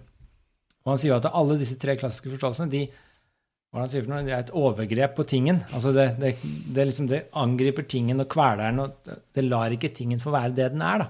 Det Ja. lar ikke væren bare få være. Det gjør det til noe. Så det er akkurat som i liksom denne klamme hånda til den fulle onkelen legger seg over deg. Liksom. Det er litt sånn han tenker på med disse begrepene. Bare la det få være. Ja, og det er jo det der liksom, Han sier sånn hva er Og da blir det prosesser og hendelser. Tinglighet og sånn. Ja. Um, og så sier han jo liksom Å ja, det fikk vi ikke svar på, og så begynner vi på noe annet. Men helt mot slutten så virker det som om egentlig han det er sånn, han, virker, han, virker, altså han, er jo sånn, han vil ikke gi oss konklusjonene med en Mm. gang. Mm. Men som om han nok tenker at det jordbegrepet er ganske tett opp til en sånn tinglighet. Mm. Men er, han er opptatt av en sånn selvtilstrekkelighet og i det å bare være en ting, og bare være en stein, f.eks. Ja. Som veldig mye av påstanden hans er at veldig mye av filosofisk tenkning er at vi tenker heller sånn analogt med verktøy når vi Ja. tenker på ting. Så når vi tenker på formstoff, så tenker vi liksom ta en klump, klump leire, og så Ja. forme den til en kopp, og den, skal ha en, og den forstår vi i lys av en funksjon. Mm. Uh, og du kan tenke liksom hele kristne skaperverket er en sånn, en sånn kjempe sånn Ja. verktøyanalogi. Mens hvis du tenker at tingen har noe sånn iboende, noe eget, en slags selvstendighet uavhengig av funksjon eller, eller eh, verktøyrolle Mm. for oss, så det liksom det han har prøvd å få tak i der i begynnelsen, og det tror jeg også han tenker at det er skikkelig viktig i kunst. Og kunst gjør det det der som trekker seg tilbake og er seg selv nok-aktig, synlig. Mm. Og det er jo det, Og det lurer jeg på om du ville tenkt at det kunne kanskje gått på tvers av om kunsten er represent, rep, altså representerende, figurativ eller abstrakt. Mm. At du kan oppleve at den liksom eh, hviler i seg selv. Han snakker om liksom Tyng, Hva er det omtrent Nei, det er ikke sånn, det er ikke helt ordrett. sant, Tyngden i steinen, gløden i fargen, Mm. tettheten i et stoff. Selv i ordet og tonen, liksom. Mm. Det, det som forsvinner i veldig mye av vår omgang med tingene rundt oss, Ja. det er til stede i kunstverket. Ja. Jeg er helt enig i det, faktisk. Altså, jeg tror det går på tvers. Og hvis du ser på noe som Rothko abstrakt maleri, så, så skjer det jo ting i det bildet, og det representerer noen mentale tilstander i oss som fanger. Derfor er det så fascinerende å se på det. Det er et eller annet det fanger. Jeg tenker det er en eller annen representasjon der, da. Jeg er av den oppfatning at selv abstrakt kunst representerer noe. Ja, og det, og det ikke- blir, blir jo fort sånn altså Hvis man tenker at det har innhold eller mener noe så Ja, det altså En stemning, en sinnsstemning, det representerer noe. Det er derfor du blir så fascinert av sånne melankolien i et blått bilde. Det representerer noe. Uh, og da tror jeg det er sånn som Heidegger snakker, altså den Mm. melankolien er igjennom fargen. Litt sånn. altså Man snakker sånn. Bildet er Det som skjer i verket, skjer igjennom fargene, f.eks. Altså, sånne ting. Og det gir jo mening. Og det tror jeg går på tvers av sjangere. Ja, og så det det tror jeg ikke har noe med modernisme klassisk å så gjøre. det, det her er jo litt sånn ja, hvordan, skal vi egentlig, hvordan skal vi egentlig forstå hva representasjon er? For det er jo liksom et litt stort og rotete Mm. Ja. begrep, egentlig, Ja, ja. i masse filosofi Jeg har også og annen unisson her i høst. Vi har snakka mye om det i høst. da, eh, Hva representasjon er. Jeg tror. Vi kom egentlig frem til hele kurset at uh, all kunst representerer noe. Ja, du kan tenke liksom kanskje sånn minimalistisk sånn Bare lage en firkanta blokk i betong og sette den i galleriet. Kanskje det er liksom sånn Det er en sånn Kanskje et forsøk på å liksom avvise det, eller nekte å mene noe. Ikke sant? Ikke være et Mm. Tegn, liksom, i det hele tatt. Eh, men selv det klarer liksom ikke helt eh, helt enig, så. det Klarer ikke helt å, å unngå det. Uh, Merleau-Ponty skriver om sånne ting. Han er kjempefin på det. Og, Ja. og selv liksom menneskekroppen, sier han litt sånn analogt. Da. Klar, det er veldig veldig vanskelig å være et levende menneske og ikke på en måte være ekspres, ekspressiv. Ja. Så det øyeblikket du begynner å bevege litt på lemmene dine, så, Ja. så, Jeg- jeg er så, der, skjer det hendelse, så skjer det handling, ikke bare hendelse. Mm. Men altså nå til Heidegger, da, så er det litt Nå følte jeg vi var, begynte å nærme oss noe her, så nå må vi tenke litt sånn på Nå har vi snakka om jord og verden. Mm. Også at det skjer noe i verket. Dette er han veldig opptatt av. At du skal ikke liksom gjøre et overgrep på tingen og tenke at det er et objekt eller en ting eller en substans, men at det er noe som skjer. Det er en hendelse, det er en strid i verket mellom det materielle, som jeg tenker på i hvert fall, og så altså, eh, verden som åpner seg i det, når du har skapt det. Og så legger han vel kunstverket litt sånn interessant nok imellom den rene tingen, sånn som en gråstein på den ene siden, og brukstingen, sånn som en hammer på den andre. Så legger han kunstverket litt i midten. Det er en ting sånn som stein i form av at det skal ikke ha noe formål, egentlig. Der er den veldig kantiansk, faktisk. Det er jo det Kant sier, at kunsten skal være formålstjenlig uten et formål. Så den er liksom litt sånn som en stein, men på en annen måte er den jo lagd av oss sånn som hammeren. Så han legger liksom kunstverket litt imellom. Ja, det blir sånn trekant der av liksom, Ja, og der ligger det kunstverket, og der skjer det noe som er ganske viktig for han. da. Det kan vi komme tilbake til etterpå hva det er. Men i den prosessen der så tenker jeg det er viktig at vi nå liksom med en gang tar tak i dette begrepet om å avdekke og tildekke. For han er veldig opptatt av sannhet Ja. i denne boka. Ja. Og den striden mellom verden og jorda, det er jo en slags kontinuerlig avdekking-tildekking som skjer hele tiden. Og dette er han veldig opptatt av i teknologiens filosofi også. Altså sannhet, sånn som vi tenker på det i filosofien i dag, er jo gjerne sånn Vi har en påstand, og så representerer den noe. Hvis det stemmer den representerer, så er den sant. Det er som vi tenker på sannhet. En påstand som er sann eller gal om verden. Jorda er rund, ok. Er jorda faktisk rund, da er den sann. Men han er sånn, ja ja, hyggelig det, liksom, men det fins andre, nei, andre dypere former for sannhet. Ja. Sånn sant gull. At det liksom, og da mener jeg at sannhet, sånn Heidegger forstår, det syns jeg er noe av det mest interessante i boka. altså det han sier om sannhet.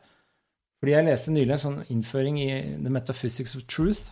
En helt ny, oppdatert innføringsbok i oversiktsbok over sannhet i metafysikk. Som sånn, ganske sånn analytisk. Analytisk orientert. Nevner alle teorier, korrespondanse, alt det vi var inne på nå. Heidegger er ikke nevnt med et ord. Og det at det skjer, sannhet er noe som skjer, sannhet er noe som avdekkes, er ikke nevnt med et ord. Så hele det bildet her er helt ute av innføringsbøker på temaet. Så derfor er det ganske interessant. Og det som jeg leser det, da, så er det at Heidegger sier sannheten kan også forstås sånn som at det, Nå også bruker han litt sånn gresk etymologi av hvor orda kommer fra og sånn, men egentlig er sannhet også det å avdekke hvordan verden kan være. Så du avslører, bokstavelig talt, tar vekk et slør og lar ting komme til syne. Og når du gjør det, så er det, da viser sannheten seg. Da skjer sannheten. Og for hver gang du tar av det sløret i noe, så må det sløret havne et annet sted, er sånn jeg tenker på det. Og da legger du det over noe annet, og da tildekker du noe annet. Og det er striden han snakker om. Så hele tiden er det noe som trer frem i lysningen, og noe som trer tilbake i mørket. Frem og tilbake, frem og tilbake. Eh, Og det er en sannhet. ikke sant? Det er noe som skjer når det kommer opp i lyset, og det er sannhet. Sånn Heidegger tenker på det. Og sånn sier han om teknologi òg. Altså når du innfører en teknologi, så innfører du en måte å være i verden på. En, vi avslører en måte vi kan være på, og det tildekker andre måter Mm. å være på. Så mobilen, eksempel, smarttelefonen, avslører en måte vi kan være i verden på, til de grader, har vi sett. Men det tildekker da andre måter, nemlig sånn vi var før, eksempel. ja, Heidegger snakker jo ofte også om sannhet som en lysning. og Ja. Det hjelper liksom tenke sånn at du er Ja, i skogen. Ja, ikke sånn sant? Altså, billedlig. Ehm, han tenker på at, at du åpner opp en, en verden, et, Mm. et, et, rom hvor ting kan tre frem. Uh, men det fins ikke liksom altså Det kanskje man tradisjonelt har tenkt. Altså, det fins et eller annet sånn Det største hele rommet, og så er alt inni der. Mens Heidegger Jeg tenker nå dette mer historisk og Ja, ja. regionalt. Det. Mm. åpner seg noen lysninger, og det er alltid Væren har egentlig alltid mye mer å by på Ja, ja. enn det vi Det er sånn uendelig potensial, som Ja. jeg leser den. Og så Ja. bare popper det opp rett som det er inn i lyset, og så er det andre ting som trekker seg tilbake. Frem og tilbake, frem og tilbake hele tiden. Ja. Og så Og det er inni der kan, det, kan du godt ta sånn sannhet som korrespondanse. Ja, ja. Ja, det er sant at koppen står på bordet, fordi her har vi et faktum. Da, Men det er vel det han kaller korrekt, er det ikke? Altså han sier at, Ja. Er det kanskje teknologiartikkelen? Han sier at det er korrekt å si at koppen er gul. Du har jo fått denne Mm. gule Ser du hva slags kopp du har fått? En motorsykkelkopp. Ja, det et, har et eller annet med motorsykler å gjøre. Ja, mm, Ducati. Nei, det er Scrambler sånn- så Ducati-koppen. mye det. Det var kanskje veldig Men i hvert fall den koppen, at det er en gul kopp, det Mm. er liksom korrekt å si. Men det er ikke noe dypt sant over det. Nei, du har ikke skjønt så veldig mye om sannhet Nei. å si det. Du har jo, det er en veldig sånn Ja. deflationary. Ja. Litt uinteressant. Og det er litt sånn i tiden i filosofi også, å si liksom sånn Du har korrekte påstander, men så har du de egentlig sanne påstander, det som de Ja. underliggende. Og av og til så Altså, det her er jo sånn Heidegger blir jo latterliggjort, da. Ikke sant? Fordi han sier jo sånn som at sannhet er usannhet, og feilen er del av hva sannheten er, og sånn.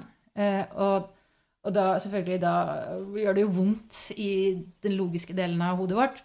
Eh, men han prøver jo å tenke noe om liksom forutsetningene for van, litt mer sånn vanlig bruk av sannhetsbegrepet. Og, og påstanden her er jo at et kunstverk kan gjøre det der. Et Mm. kunstverk kan åpne opp én måte som verden kan ja, altså på, og, og tingene kan framstå. Så jeg, jeg syns jo det er kjempefint, det der Ja, ja. Men det eksempelet med tempelet, og hvordan alt, alt synes som det det er Mm. i den greske verden rundt det tempelet. Og så la ting få være. Altså når Van Gogh maler de skoene, de der bondeskoa, så åpner han opp en sånn bondeverden i kunstverket sitt, som vi kan se. Og da Den gode kunsten som jeg leser Heidegger, da, når du maler de bondeskoa, så lar du jo de bondeskoa få være. Du, du, du gjør ikke det Du må skru hardt her. Ingvild prøver å åpne Prøver kaffe. å drikke kaffe samtidig som vi snakker. Bare ta av hele lokket. Men da Ja. åpner du på en måte Kunstverket åpner opp en verden om den bondevirkeligheten som de skoa representerer, eller er en del av. Og så da er det jo slik at eh, det skjer noe i den åpningen. Sånn Heidegger tenker på det. ikke sant? Det skjer noe når du beskriver de skoa. Og det gode kunstverket, det lar jo de skoa få tre frem i lyset. Det driver ikke og dytter på det en form, sånn der stoffsubstans eller tingene, sånn som vi var inne på tidligere. Det er ikke sånn over, Han kaller det vel overgrep, er det ikke? Bokstavelig talt. Han sier vel det er et overgrep. Det er, når vi dytter begreper, det er sånn kakekuttere som bare liksom presses over deigen, i stedet for bare la deigen få være. Uh, og det sier han jo med de bondeskoa, f.eks. Og den gode kunsten den lar dette bare få åpne seg og Men være der men du vet at det er kjempemye diskusjon om de bondeskoa? Ja, ja, men nå Det- prøver vi liksom ja. å folkeliggjøre det der. Ja, ja. Nei, Hva tenker du på at det er av viktighet her nå? Nei, jeg tenker at det er litt viktig. For det dukker opp dette første eksempelet som han tar for seg lenge. Det er noen sko. Og det, og det er egentlig for og det kommer veldig sånn en passant sånn Vi skal bare prøve å finne ut hva ting er, og, Ja. og hva er bruksting. Og så sier han ja, det kan være litt lettere å finne ut hva bruksting er. da, ved å se for seg noe. Eller eksempel ta en representasjon. Da? At noen, noen som har malt det, sånn som van Gogh han malte jo masse sko. Ja. Så det kommer litt sånn sidelengs inn, og så plutselig er det et kunstverk der, og så sier han plutselig sånn eh, liksom, Og så, men i tillegg, så skjer det noe med de skoene, og så, og så blir det veldig poetisk. Mm. Så det, det Men det som jeg syns det er litt interessant, jeg tror det er interessant for folk å vite hvis de ikke vet allerede, at eh, det, en kunsthistoriker som heter Meyer Shapiro, han hoppa på det der og bare Hvilke sko er det her, egentlig? For Heidegger hadde ikke noe sånn, han viser ikke noe spesifikt verk og sånn. Eh, og mener at dette er jo overhodet ikke bondesko. Dette er kunstnerens egne sko, kunstneren som bor i en by. Og så gir han en mye mer sånn hva skal jeg si, sub subjektorientert liksom Nesten sånn selvbiografisk lesning av de skoene hos Ja. van Gogh. Um, og synes jo da, sant, Mens Heidegger han blir helt sånn romantisk og tar dem med ut på landet. Så det blir en sånn kamp om de skoene hvor, som eh, eh, mange da etter hvert har skrevet om. Og de brevveksler, Shapiro og eh, Heidegger. Heidegger ute på landet i Tyskland. Shapiro emigré som underviser på Colombia, bor i New York. Så de liksom representerer sant, den gamle nazisten og det kosmopolitiske. Um, og så har Derrida skrevet en veldig kul tekst Ja, om, om den. Ja. Som heter, På engelsk jeg kan ikke, kan ikke lese fransk, men heter 'Restitutions'. Men han er liksom opptatt av, at, av dette som en slags At man slåss om skoene, og alle vil alle vil eie skoene, på en måte. Eller, Ja. eller gi dem tilbake til sin rettmessige eier. Hvor dere da synes dere har et godt poeng. Liksom, men skoene står jo der. Og vi, i kunstverket gir dem ikke en eier. Og hvis du virkelig skal la dem være, som kanskje er Heideggers ideal, og dere da er veldig inspirert av Heidegger, så burde ikke Heidegger ha, prøvd å plassere det ute i åkeren, på en måte. Men, men det er, det er Men bare sånn, er sånn, ja. jeg syns det er så kult å følge det sporet. Ja. Men som jeg, jeg har en ganske sterk mening om akkurat det der. Jeg tenker at Heideggers poeng Nå har ikke jeg lest den brevutvekslinga du nevner, så da kan du korrigere hvis det er overhodet Ja. noe helt annet. Men sånn jeg leser Heidegger, så er det jo litt misforståelse å begynne å liksom historisk korrekt plassere de skoa. Mhm. Det er jo helt irrelevant for Heideggers filosofiske poeng. At det skoa Det er et eksempel han trekker. Han kunne trukket frem hvilket som helst annet kunstverk. Ikke hvilket som helst annet, men mange andre kunstverk. Og poenget er jo bare, det han vil fram til, er jo bare at i et godt kunstverk så åpner det seg en verden som lar ting få være som vi kan dvele ved og tenke på og se og kommunisere med. som vi kan følge tankestier og sånn ut ifra. Og det åpner seg opp i det gode kunstverket. Ja, og da men, blir det helt eh, irrelevant hvis du kommer og sier Eller han der på Columbia kommer og sier liksom Ja, men skoa var jo egentlig Van Gogh sine. Det er bare sånn Ja, men det er jo en kontekstualisering av det konkrete verket. Og da kan han bare switche eksempel. Heidegger er mye mer en Nei, men nei, en nei, du idealist her, ikke sant? Du kan ikke bare switche eksempel. fordi hvis du faktisk skriver om kunst, og sier at kunstverkene snakker, så kan det ikke være at eh, Vet du hva, Det spiller ikke noen rolle hvilket kunstverk jeg tar, for uansett så får jeg dem til å si det jeg har tenkt å si. Ja, men jeg tror Heidegger kan si noe sånn som at han er ikke, han, det han er opptatt av, er et ideal for kunsten. Så hvis Van Gogh feiler til det idealet, og egentlig, eller ikke passer til det idealet, så er det litt irrelevant. For det han skriver om, er jo normativt. Han sier dette er det et kunstverk er bra. Det er derfor han sier vi er bare opptatt av gode kunstverk. Det er dette det bør strebe etter. Og hvis det viser seg at Van Gogh overhodet ikke har noe med det å gjøre, så er bare Van Gogh ikke av den høyere kunstarten han setter som et ideal. Ja, men tenker du, Syns du ikke det spiller noen rolle hvis Eller om filosofen selv på en måte ikke har gehør? Altså ikke er noen god eh, Ikke er flink til å la verket snakke Jo, og det, være. det, er, det er jo litt sånn uh, tvega sverd, det her. da. Altså, jeg tenker at uh, Heidegger bør jo, eller en god kunstfilosof, etter min mening, da, har jo forståelse for kunsten. Jeg mener jo til og med at en god kunstfilosof bør drive med kunst for å forstå hva som foregår på begge sider av lerretet, så å si. da. Men det som skjer, er jo at uh, Heidegger for eksempel, han setter opp et ideal, og det er også filosofen lov til å gjøre. Sette opp et ideal som sier dette er det kunsten bør strebe etter. Og da kan det være vanskelig å finne konkrete eksempler som matcher det. Fordi det er ingen som når idealet. Men det er mange som nærmer seg det. Og da tenker jeg sånn, det blir litt irrelevant å begynne å mase om hvor de skoa egentlig kom fra. fordi det Heidegger sier, er jo det ideelle kunstverket ville vært et som malte disse skoa, og åpna opp en verden som lot bondekona få gå rundt i disse skoa uten at vi liksom gjorde noe overgrep på tingen her. Og da åpner det opp et Ja. ideal som kunstnere kan strebe etter. Og da er det dumt å begynne å knytte ned til å si ja, men ingen har realisert det.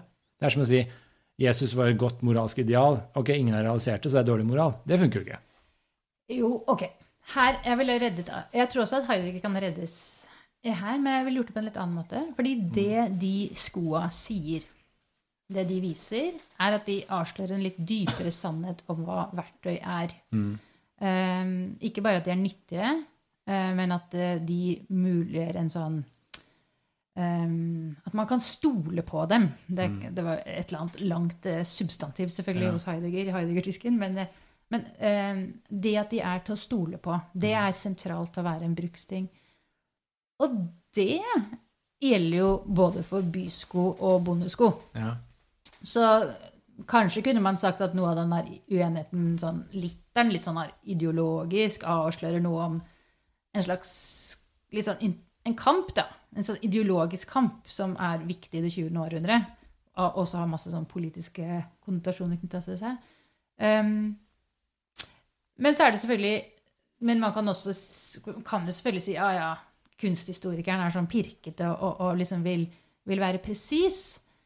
Um, det er jo, er, er jo godt sånn å leve etter det. Sånn, i hvert fall sånn, liksom, Si hvilket verk du refererte til. Sånn. Det prøver Heidegger å svare på. og sier Ja. jeg var, så noen i en utstilling i Amsterdam. Og liksom, så de prøver å finne ut hvilket et, ja, kanskje ikke var Amsterdam, men i hvert fall, de prøver å finne ut hvilke sko det er han snakker om. og sånn.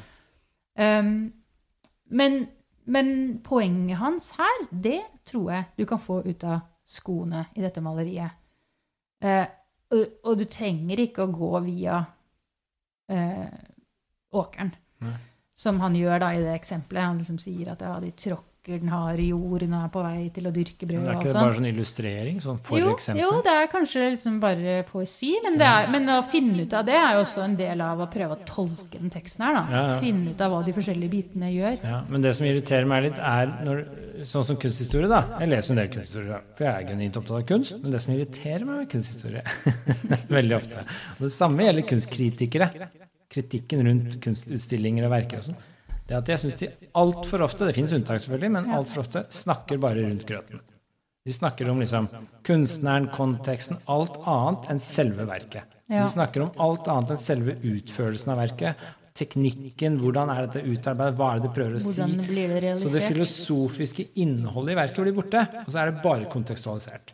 Og jeg mistenker at mange historikere og kritikere og sånn egentlig ikke skjønner hvordan kunstverket er laget og utviklet og sånn. Det er derfor det blir sånn veldig ofte. Fordi de driver med et annet yrke, nemlig å ismer, kategoriseringer, de setter det liksom i historiske kontekster. Det er det akademiske virket, ikke sant? Mens det jeg savner, er den der forståelsen av innholdet i kunstverket. Og det er det jeg føler Heidegger egentlig er utrolig interessant på.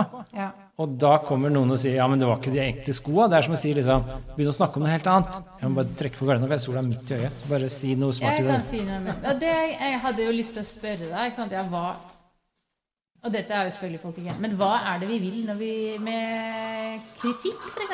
Og jeg tenker jo øh, Altså, jeg tror mange, mange av oss tenker sånn på kritikk som evaluering. ikke sant? Syntes Syntes eh, Preben Jordal i Aftenposten eh, det var nå i helga, tror jeg, at den Ja. siste boka til Karl Ove Knausgård var noe bra. Ja. Men, men det det kanskje bør være, det er sånn som jeg tenker at det er interessant, og det er kanskje det vi ønsker oss mer av, da. Eh, Det er jo noen som sier her er verket, se på det sånn. Altså som prøver å gi en Som prøver å dele en slags opplevelser, entusiasme og noen tanker rundt som lar verket virke. Ja, det, det, savner burde være et ja, Det er altfor lite av. De bare snakker om alt annet. Ja, kanskje. Det er sånn feighet i det. Kan man ikke tørre å gå inn i kjernen? ja. Forskjell. Ja, nå er du sånn nyanserende. Det er riktig. Ah, Nyanser er alltid godt og riktig. Men trendene som irriterer meg, er det. Altså, de snakker rundt hele tiden. Og så er det det veldig mye mye sånn sånn- synsing. Det er veldig mye sånn Jeg liker det fordi Heller enn sånn Hvorfor er det bra? Her savner jeg litt Aristoteles, da, som sier sånn Du må definere hva slags verk dette er, og så kan du se om det er bra eller dårlig til å oppfylle det det skal være. Mens veldig mye kritikk og sånn er sånn bare hva du syns, uten å liksom si ordentlig hva det er det verket har prøvd å være. Og det er litt sånn som du sa, altså prøv først å forstå hva slags verk det er, og bare la det være det, og så se om det funker. At innenfor sånn visuell kunst da, nei, ingen av oss som er eh, men bare tenker sånn, å Gud, må prøve å ikke tenke på hva folk som faktisk jobber med kunsthistorie, som kollegaen min i etasjen over meg ville sagt. Men eh, det er klart at du har en del sånn kritikk som er sånn, beskriver inntrykket av eh, eh, av dokumenta, og så blir det liksom, så blir det, liksom det kollektive strømningen, at man liksom generaliserer. Vi er i en tid som er opptatt? Det er et sosialt, sånn sosial vending i alt fra filosofi til kunst for tida. og Sånn. Men så har du også kritikken som er, eh, som er mer eh, Jeg tenker han Peter Skjeldal han, eh, han er litt å lese ofte og skriver i New York. Når han går på kunstutstilling, så zoomer han inn på enkeltverk og beskriver dem. Så Ja, det er noen gode, jeg sier Ja. at det ikke fins noen gode. men, bare men det er jo, det er jo det er for nesten, altså det er ikke de der små instruksjonslivslett som følger når du går inn i et samtidsmuseum. For det er ofte ganske sånn Det er ofte litt sånn overfladisk, sånn som du sier. Og så er det heller ikke selvfølgelig i vanlige norske aviser, for det er veldig lite og veldig kort, det som fins av, av kritikk. Um, men jeg tror det er det vi holder på med, da, hvis vi liker, om, når vi liker å lese, når vi liker å gå på konsert, eller eh, det, altså, vi treng, vi har, altså, treng, det, det vi snakker om, trenger jo ikke bare å handle om liksom, eh, greske skulpturer eller liksom Leif Ove Ansnes, som jeg snakka om helt i begynnelsen. Det, det er jo også det er jo det, altså, Populærkultur er jo noe som veldig mange snakker veldig mye om. Og da tenker jeg at mye av det vi gjør, er at vi prøver å dele nettopp sånn Se på det på den måten her, Ja, ja. og fokusere inn på hvordan verket gjør det. Absolutt. Dette har vi snakker, når du snakker om musikk, så er det jo ofte sånn. Ja. Dette har vi snakka mye om i det kurset jeg underviser nå i høst med Kant. da, fordi han er jo veldig god på å påvise dette at eh, når du ser noe vakkert, så ser du, får du en reaksjon, og så vil du gjerne dele det med andre, og så forlanger du at de også skal se det. Det er noe sånn normativt. Hvis jeg syns dette er veldig bra, og du sier nei, det er ikke bra, så føler jeg at det er noe du ikke har sett. Ja. Så jeg, det er noe sånn spesielt med den opplevelsen av noe vakkert, at du forlanger allmenn eh, Tilslutning. Ja, tilslutning til det. Du forlanger at de rundt deg skal se det samme.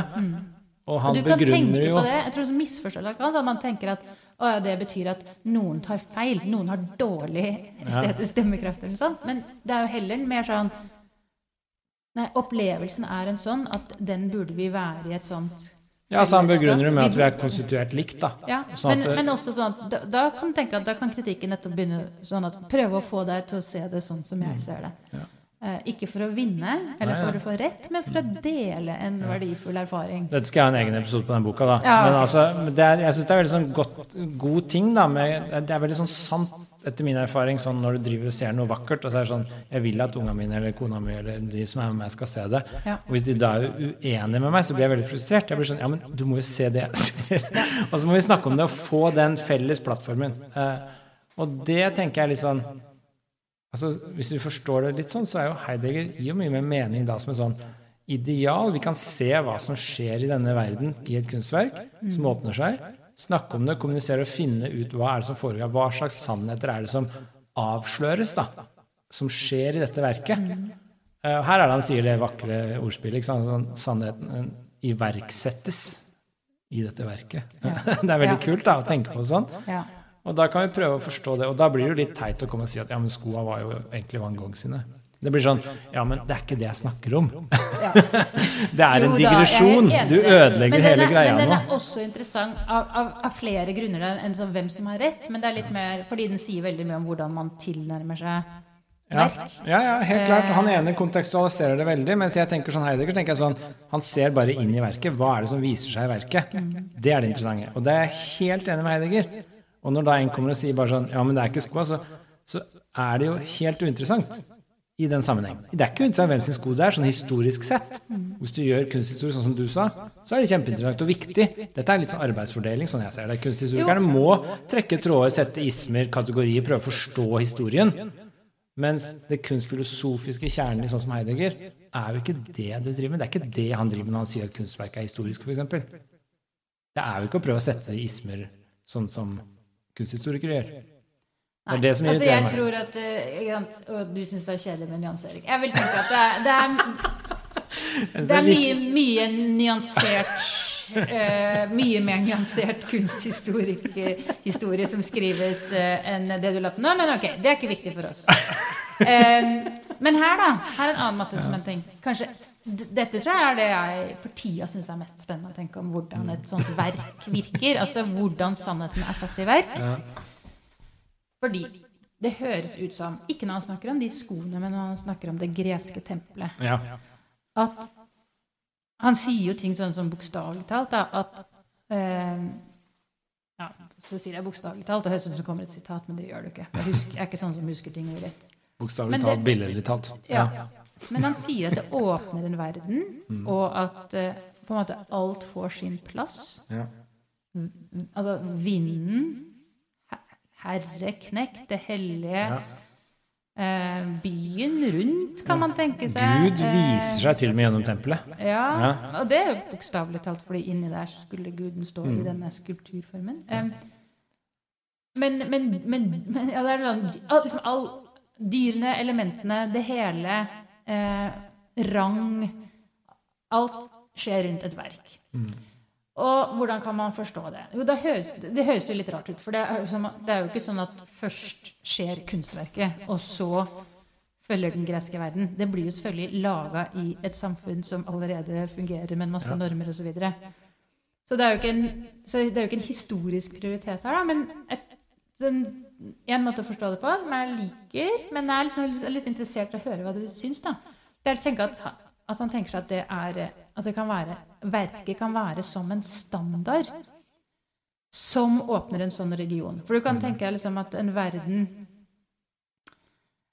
For at man skal kunne si hva som er høyt og lavt, og, og liksom gi mening til de ulike elementene i den greske verden, da, si. Eh, vi må jo være litt før Aristoteles og Platon her, ikke sant? Kanskje sånn før, før Ja, tragediedikterne er til og med. Klart, Ja. Ehm, så, så Og for å kunne rangere sånn, så må man ha en eller annen standard som forankrer på en måte alle de ulike meningsmulighetene i denne verden. Og det er det han tenker seg at sånne store kunstverk er. Det er ikke at de kommer først, men når de skjer, så henger de ting litt sammen. Det blir en sånt referansepunkt Ja. selvfølgelig sånn arkitektoniske byen, men også det som gir mening. Eh, eh, har et veldig sånn konkret og eh, tilholdssted Ja. i det tempelet. Eller han snakker også om en, Du kan tenke deg en kristen katedral i en, eh, i en middelalderby. altså så Særlig sånn arkitektoniske verk er ganske, går det ganske fint an å tenke sånn om. Ja. Nei, jeg tror det kan være mye det. Altså, dette er jo faktisk veldig sånn altså, Dette er jo ganske likt det Kant sier også i dømmekraften, faktisk, for å bare komme på det igjen. Fordi Ja. Han sier også at den nødvendigheten som er i et kunstverk Når du sier at noe er vakkert, så mener du ikke bare at alle skal være enig med deg, men du mener også at det, det her er sånn at du må synes det er vakkert. Det er en nødvendighet her. Og den nødvendigheten den kommer av eksemplarisk nødvendighet, kaller han det. Altså at det er eksempler. Så et geni for Kant setter opp et kunstverk, og når det er vakkert, så setter han et eksempel som alle andre må forholde seg til etter det. Fordi dette var faktisk vakkert, og da må du jobbe fra det. Og litt sånn tenker jeg også Heidegger kan tenke. ikke sant? Altså Når du setter opp det greske tempelet, så setter du et eksempel som da andre kan moderere og fikse litt og ordne litt på og sånn etter hvert opp gjennom historien. Eh, Og når de kulturelle referanserammene blir annerledes, så forsvinner det opprinnelige verden som åpna seg i det tempelet. Det blir borte når tiden fra Når romerne tar over, så sier han jo at de erstatta de greske uttrykkene og ødela de, for de hadde ikke samme filosofiske innhold lenger. Og så ble det platt, og så forfalt Vesten fra da av. så at han mente at dette, dette kunstverket, det tempelet da, den verden det åpna opp, den ble borte når den kulturen forsvant. Men det betyr ikke at vi ikke har det kunstverket som en sånn referanseramme. Og som det fortsetter å virke gjennom begrepene våre, tenkemåten vår, væremåten vår. Så virker det gjennom historien hele veien, helt opp til våre dager. Og når du går på Universitetet i Oslo på jusavdelingen, så har du de søylene, ikke sant. Altså Du ser jo ettervirkningen i dag. De greske søylene, eller de der romerske buene.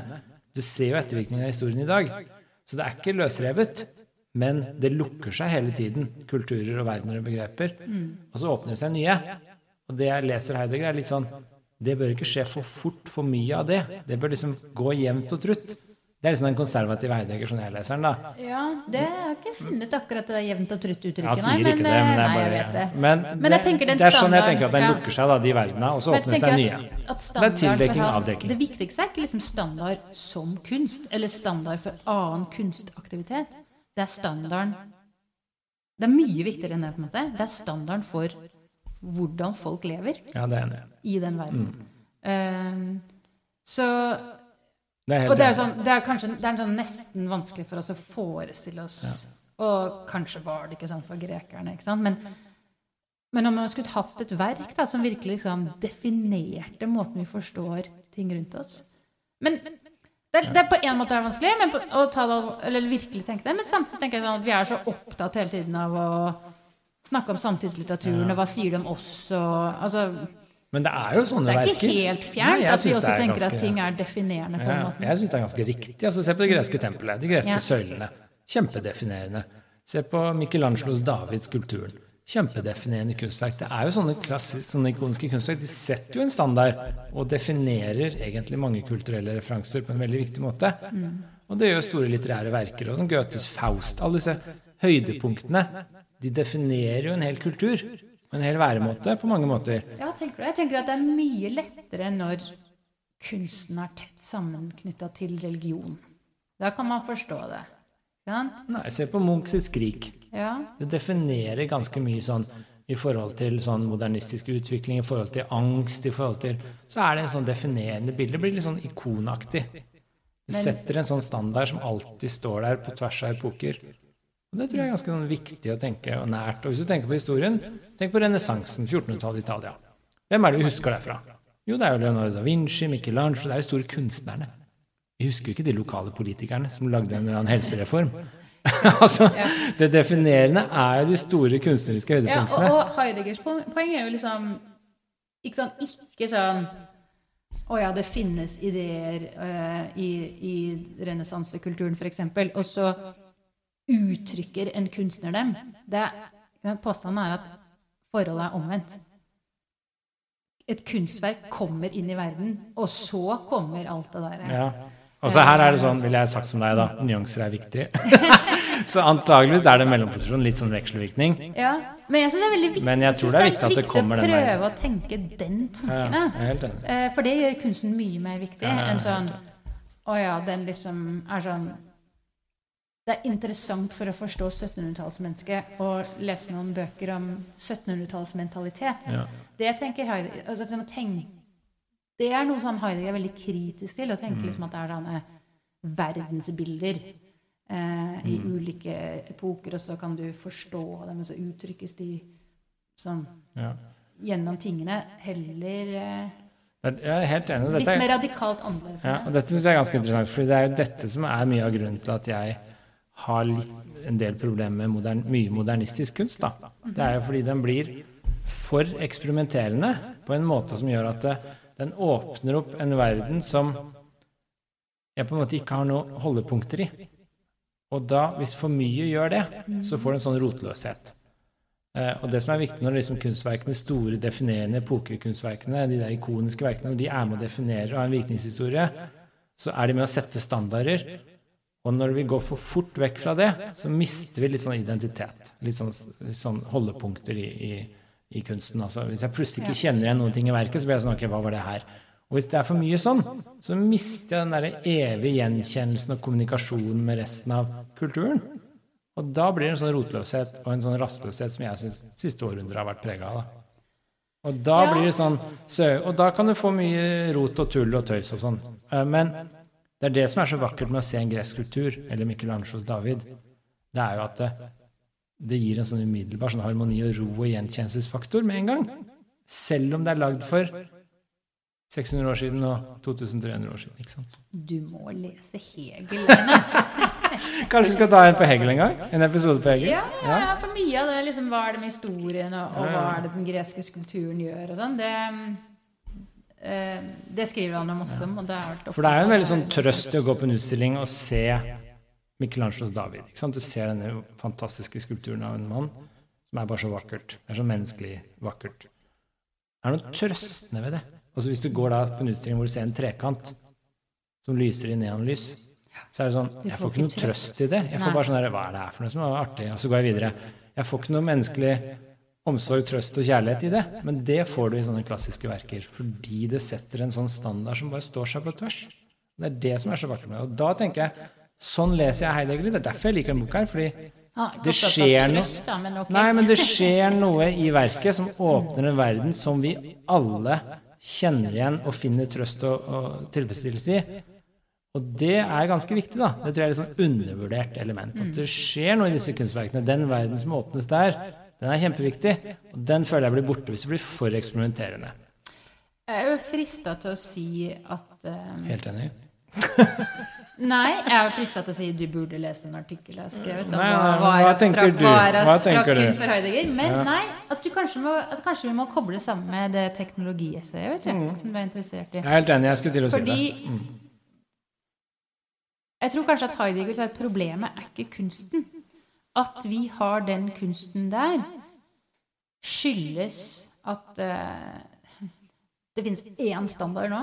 Mm. Uh, det er den som er satt av tekniske gestell, altså den måten å ramme inn og, og tenke på verden på. Stellet, som det er oversatt med. Altså dette, er det det det Ja, stellet. Det er veldig rart, men når du tygler på det, så blir du vant med det. Altså det er litt... Ja.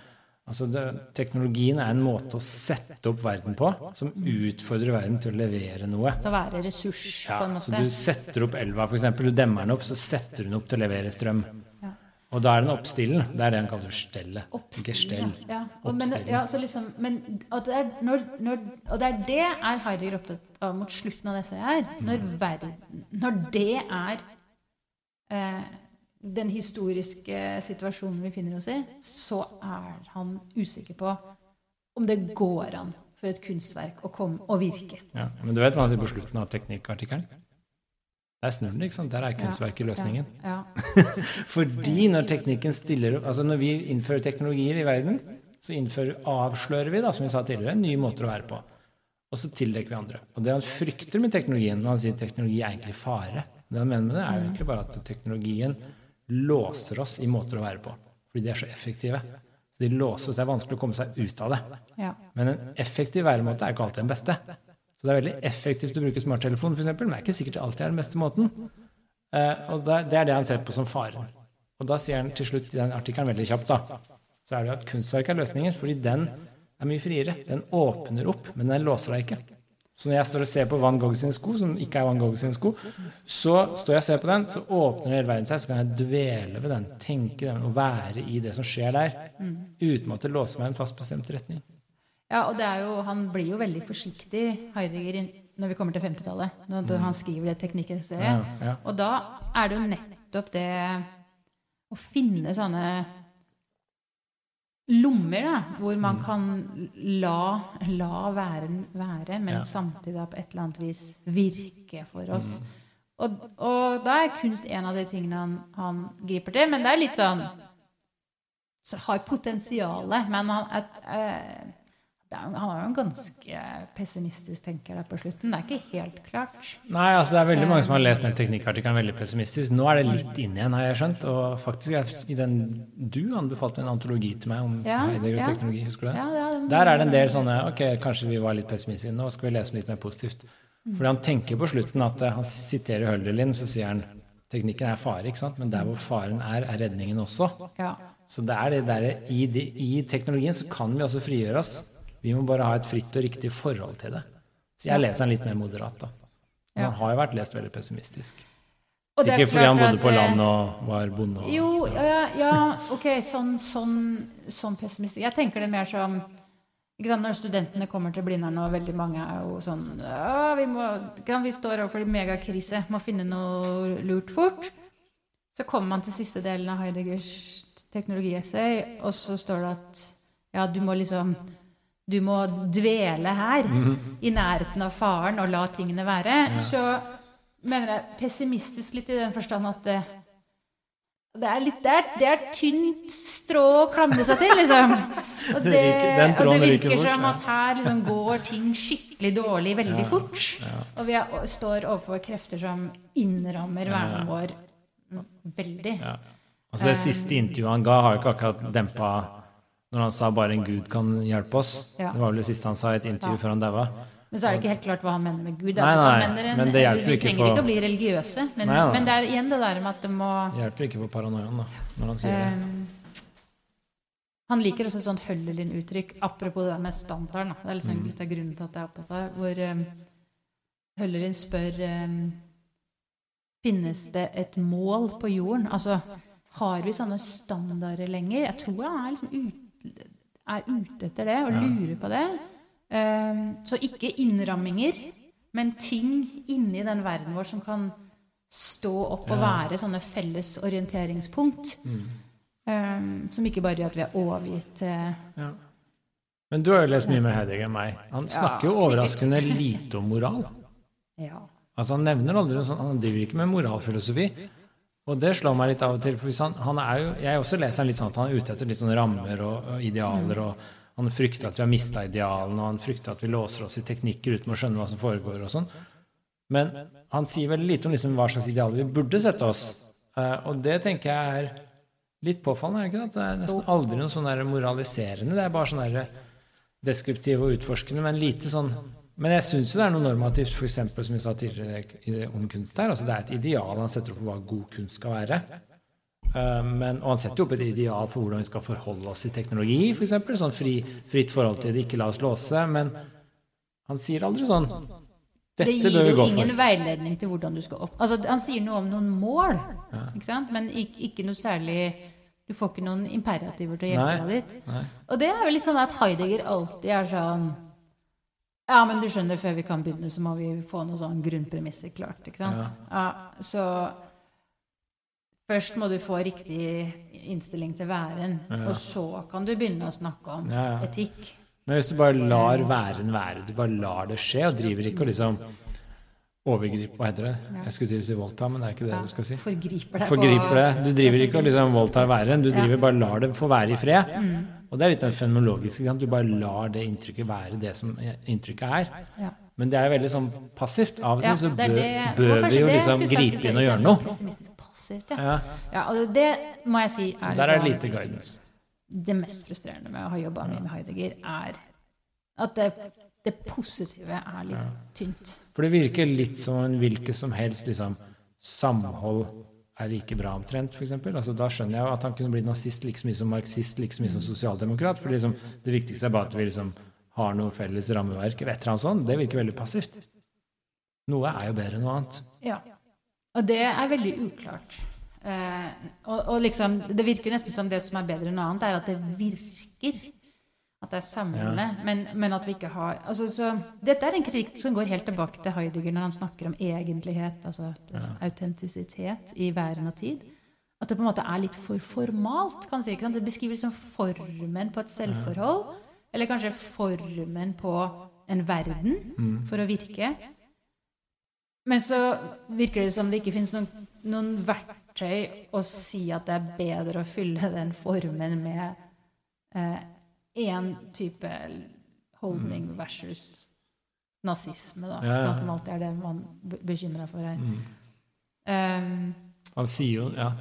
så du, men jeg vet ikke, kortere kan man si at ja, du får ikke alt av Heidegger. Det, altså, det må være helt klart. skulle man Du må, du må gå andre steder eh, for å fylle på litt her. Ja. Men du får et verktøy til å liksom, ta en veldig sånn radikal utspørring av eh, Mm. det liksom mest, de, de mest sånn til grunnleggende prinsippene for tenkning og tenkefigur og sånn, som jeg tror virkelig er Som når du også jobber med andre ting, eller tenker på andre Ja. ting altså om du ikke er, Det er ikke bare fagfilosofer som tenker på det, men som, som gir god kan gi veldig god brytning, da. Ja, ja.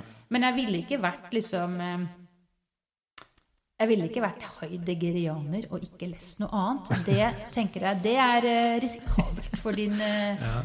eh, Men altså, det er interessant. Jeg leser den jo eh, Jeg sa i stad at jeg leser veldig lite sånn kontekstualisering, men altså jeg overdriver litt, da. Men fordi jeg leser jo Heidegger litt sånn veldig sånn påvirka av Heraklit og Nietzsche. Og jeg har lest disse forelesningene. Han har to sånne svære bind om Nietzsche. Og han er veldig opptatt av Nietzsche og veldig opptatt av Heraklit. To bøker om Heraklit som forelesningsrekker han ga om Heraklit også. Og det som forener disse, er jo nettopp denne alt er en strid. Alt er en kamp. For Heraklit var alt en strid seg imellom, for alt skapende var bare en kamp om noe. Og Nietzsche tolka det videre som alt er villig til makt. Altså det er bare sånn, Alt vil bare vinne over noe annet. Alt vil bare få et herredømme. Det er det hele verdenskraften egentlig er. Ikke bare vi mennesker, men liksom alt i naturen overalt.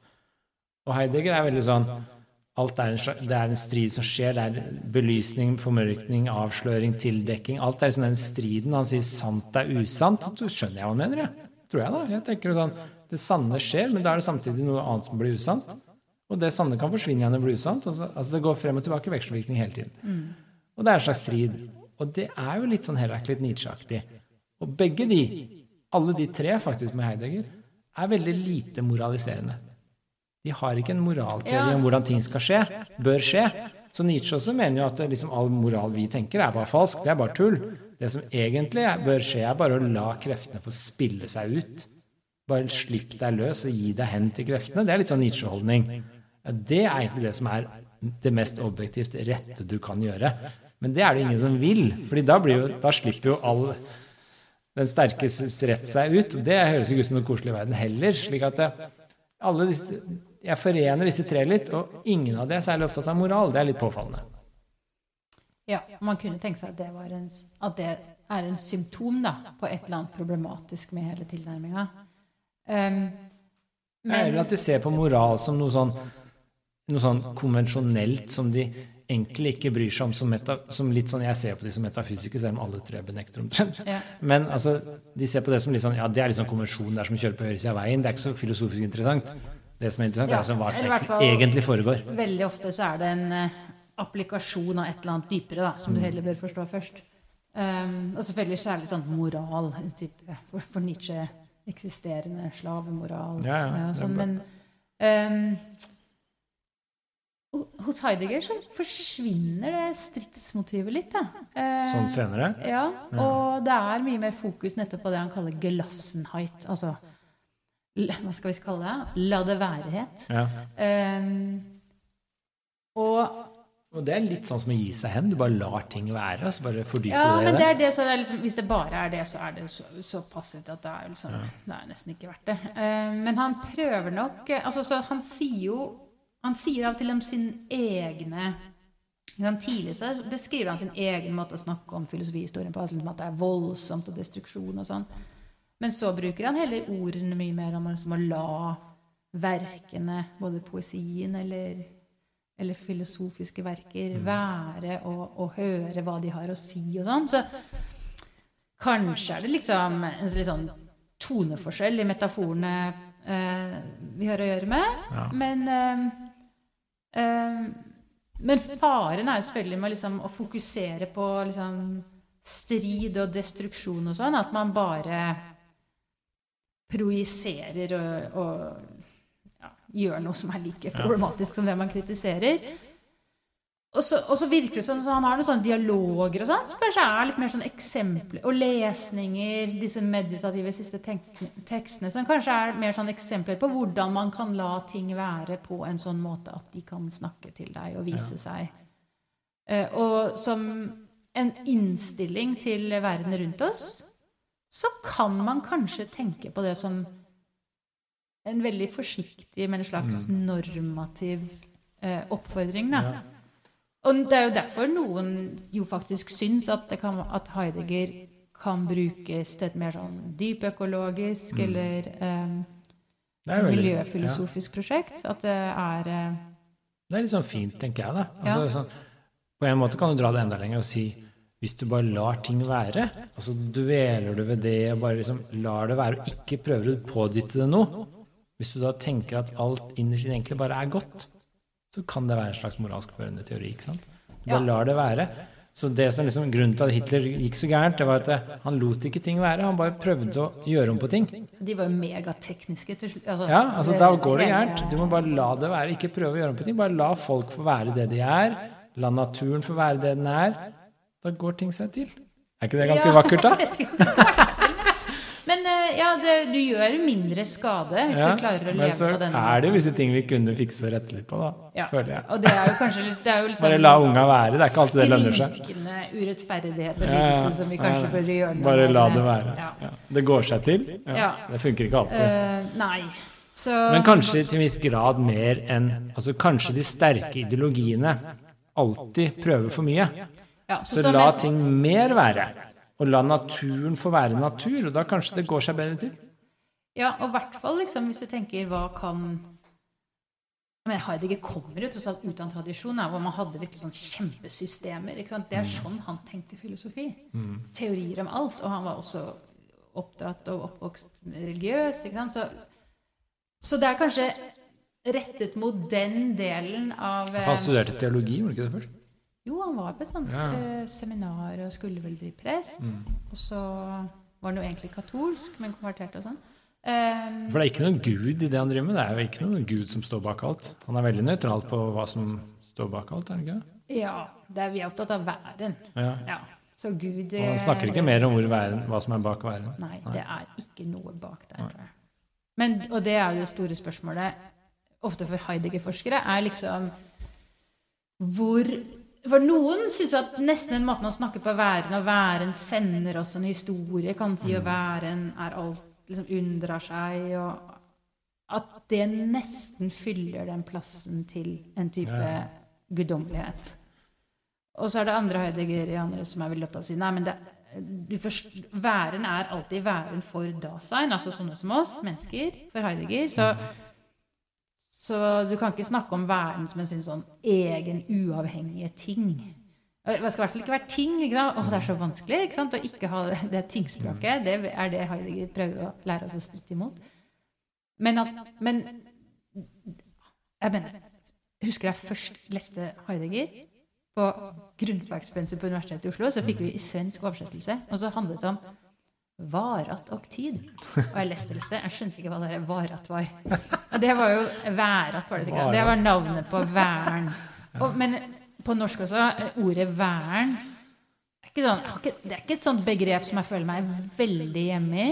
Nei, jeg liker det, det mer og mer. Ja, jeg liker det mer og mer. Eh, men, det, men, ja. hva, men sant, hva, er det egentlig det handler om? Mm. Uh, er ofte det er, jo, det er ikke så lett. Men, men det første altså, det som er. Mm. Det som Men, altså, virker. Ja, han er opptatt av hele sånn at det vest og ja. Altså jeg liker, jeg liker væren bedre bedre. fordi jeg jobber mye med en sånn metafysisk teori om at alt er igjennom noe. Mm. Og det er egentlig jeg innsett mer og mer sånn heideggersk, egentlig. Eh, så jeg frykter at jeg er mer påvirka av Heidegger enn det jeg trodde. da. Fordi jeg tenker sånn alt er igjennom noe. Jeg er igjennom kroppen min. Ikke sant? Den mikrofonen vi prater i nå, er igjennom dette metallet. Det er sånn ting er. da. Det er igjennom noe. Mm. Uh, og ingenting annet enn væren er igjennom seg selv. Væren er igjennom seg selv. Væren bare er. Det er bare noe som er, og så er alt igjennom det. Det er ingenting som kan være uten å være. Så alt er igjennom væren. Og så kan du begynne å snakke om hva ting er. Ikke sant? Så en mikrofon har en eksistens på en annen måte enn en kopp. Det er forskjellige måter å være på. Ja. Men væren er de alle, har de alle. De deler de alle. ikke sant? Og hvis du tenker på væren sånn, så er væren egentlig bare alt det som alt er igjennom. Det er bare det som alt er igjennom. Det er væren. ja, eller er det det som er i, øh, i oss? Ja, men da tenker, Altså, du, sånn, da tenker du sånn egenskapaktig.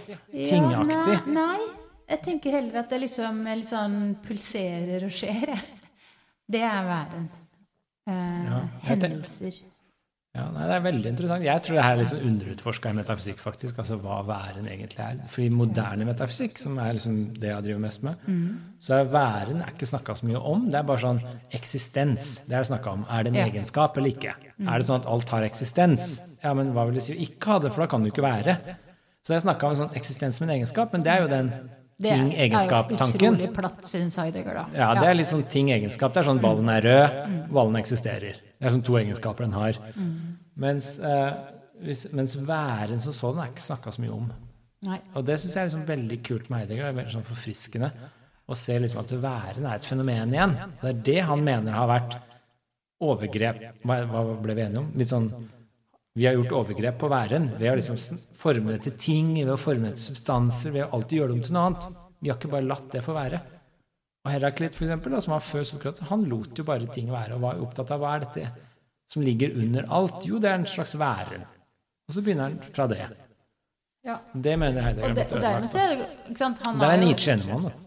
Ja. Eller Og dermed er jo liksom alle disse eh, som begynner å tenke væren så mye mer sånn dynamisk, utviklende, historisk. Hegel og Nietzsche, for eksempel. Ja, jeg må lese Hegel, De ja. Ja, så Hegel tror jeg blir han, Av og til er Hegel slutten. Jeg hadde aldri trodd jeg skulle si den setningen. Nei. Jeg må lese Hegel.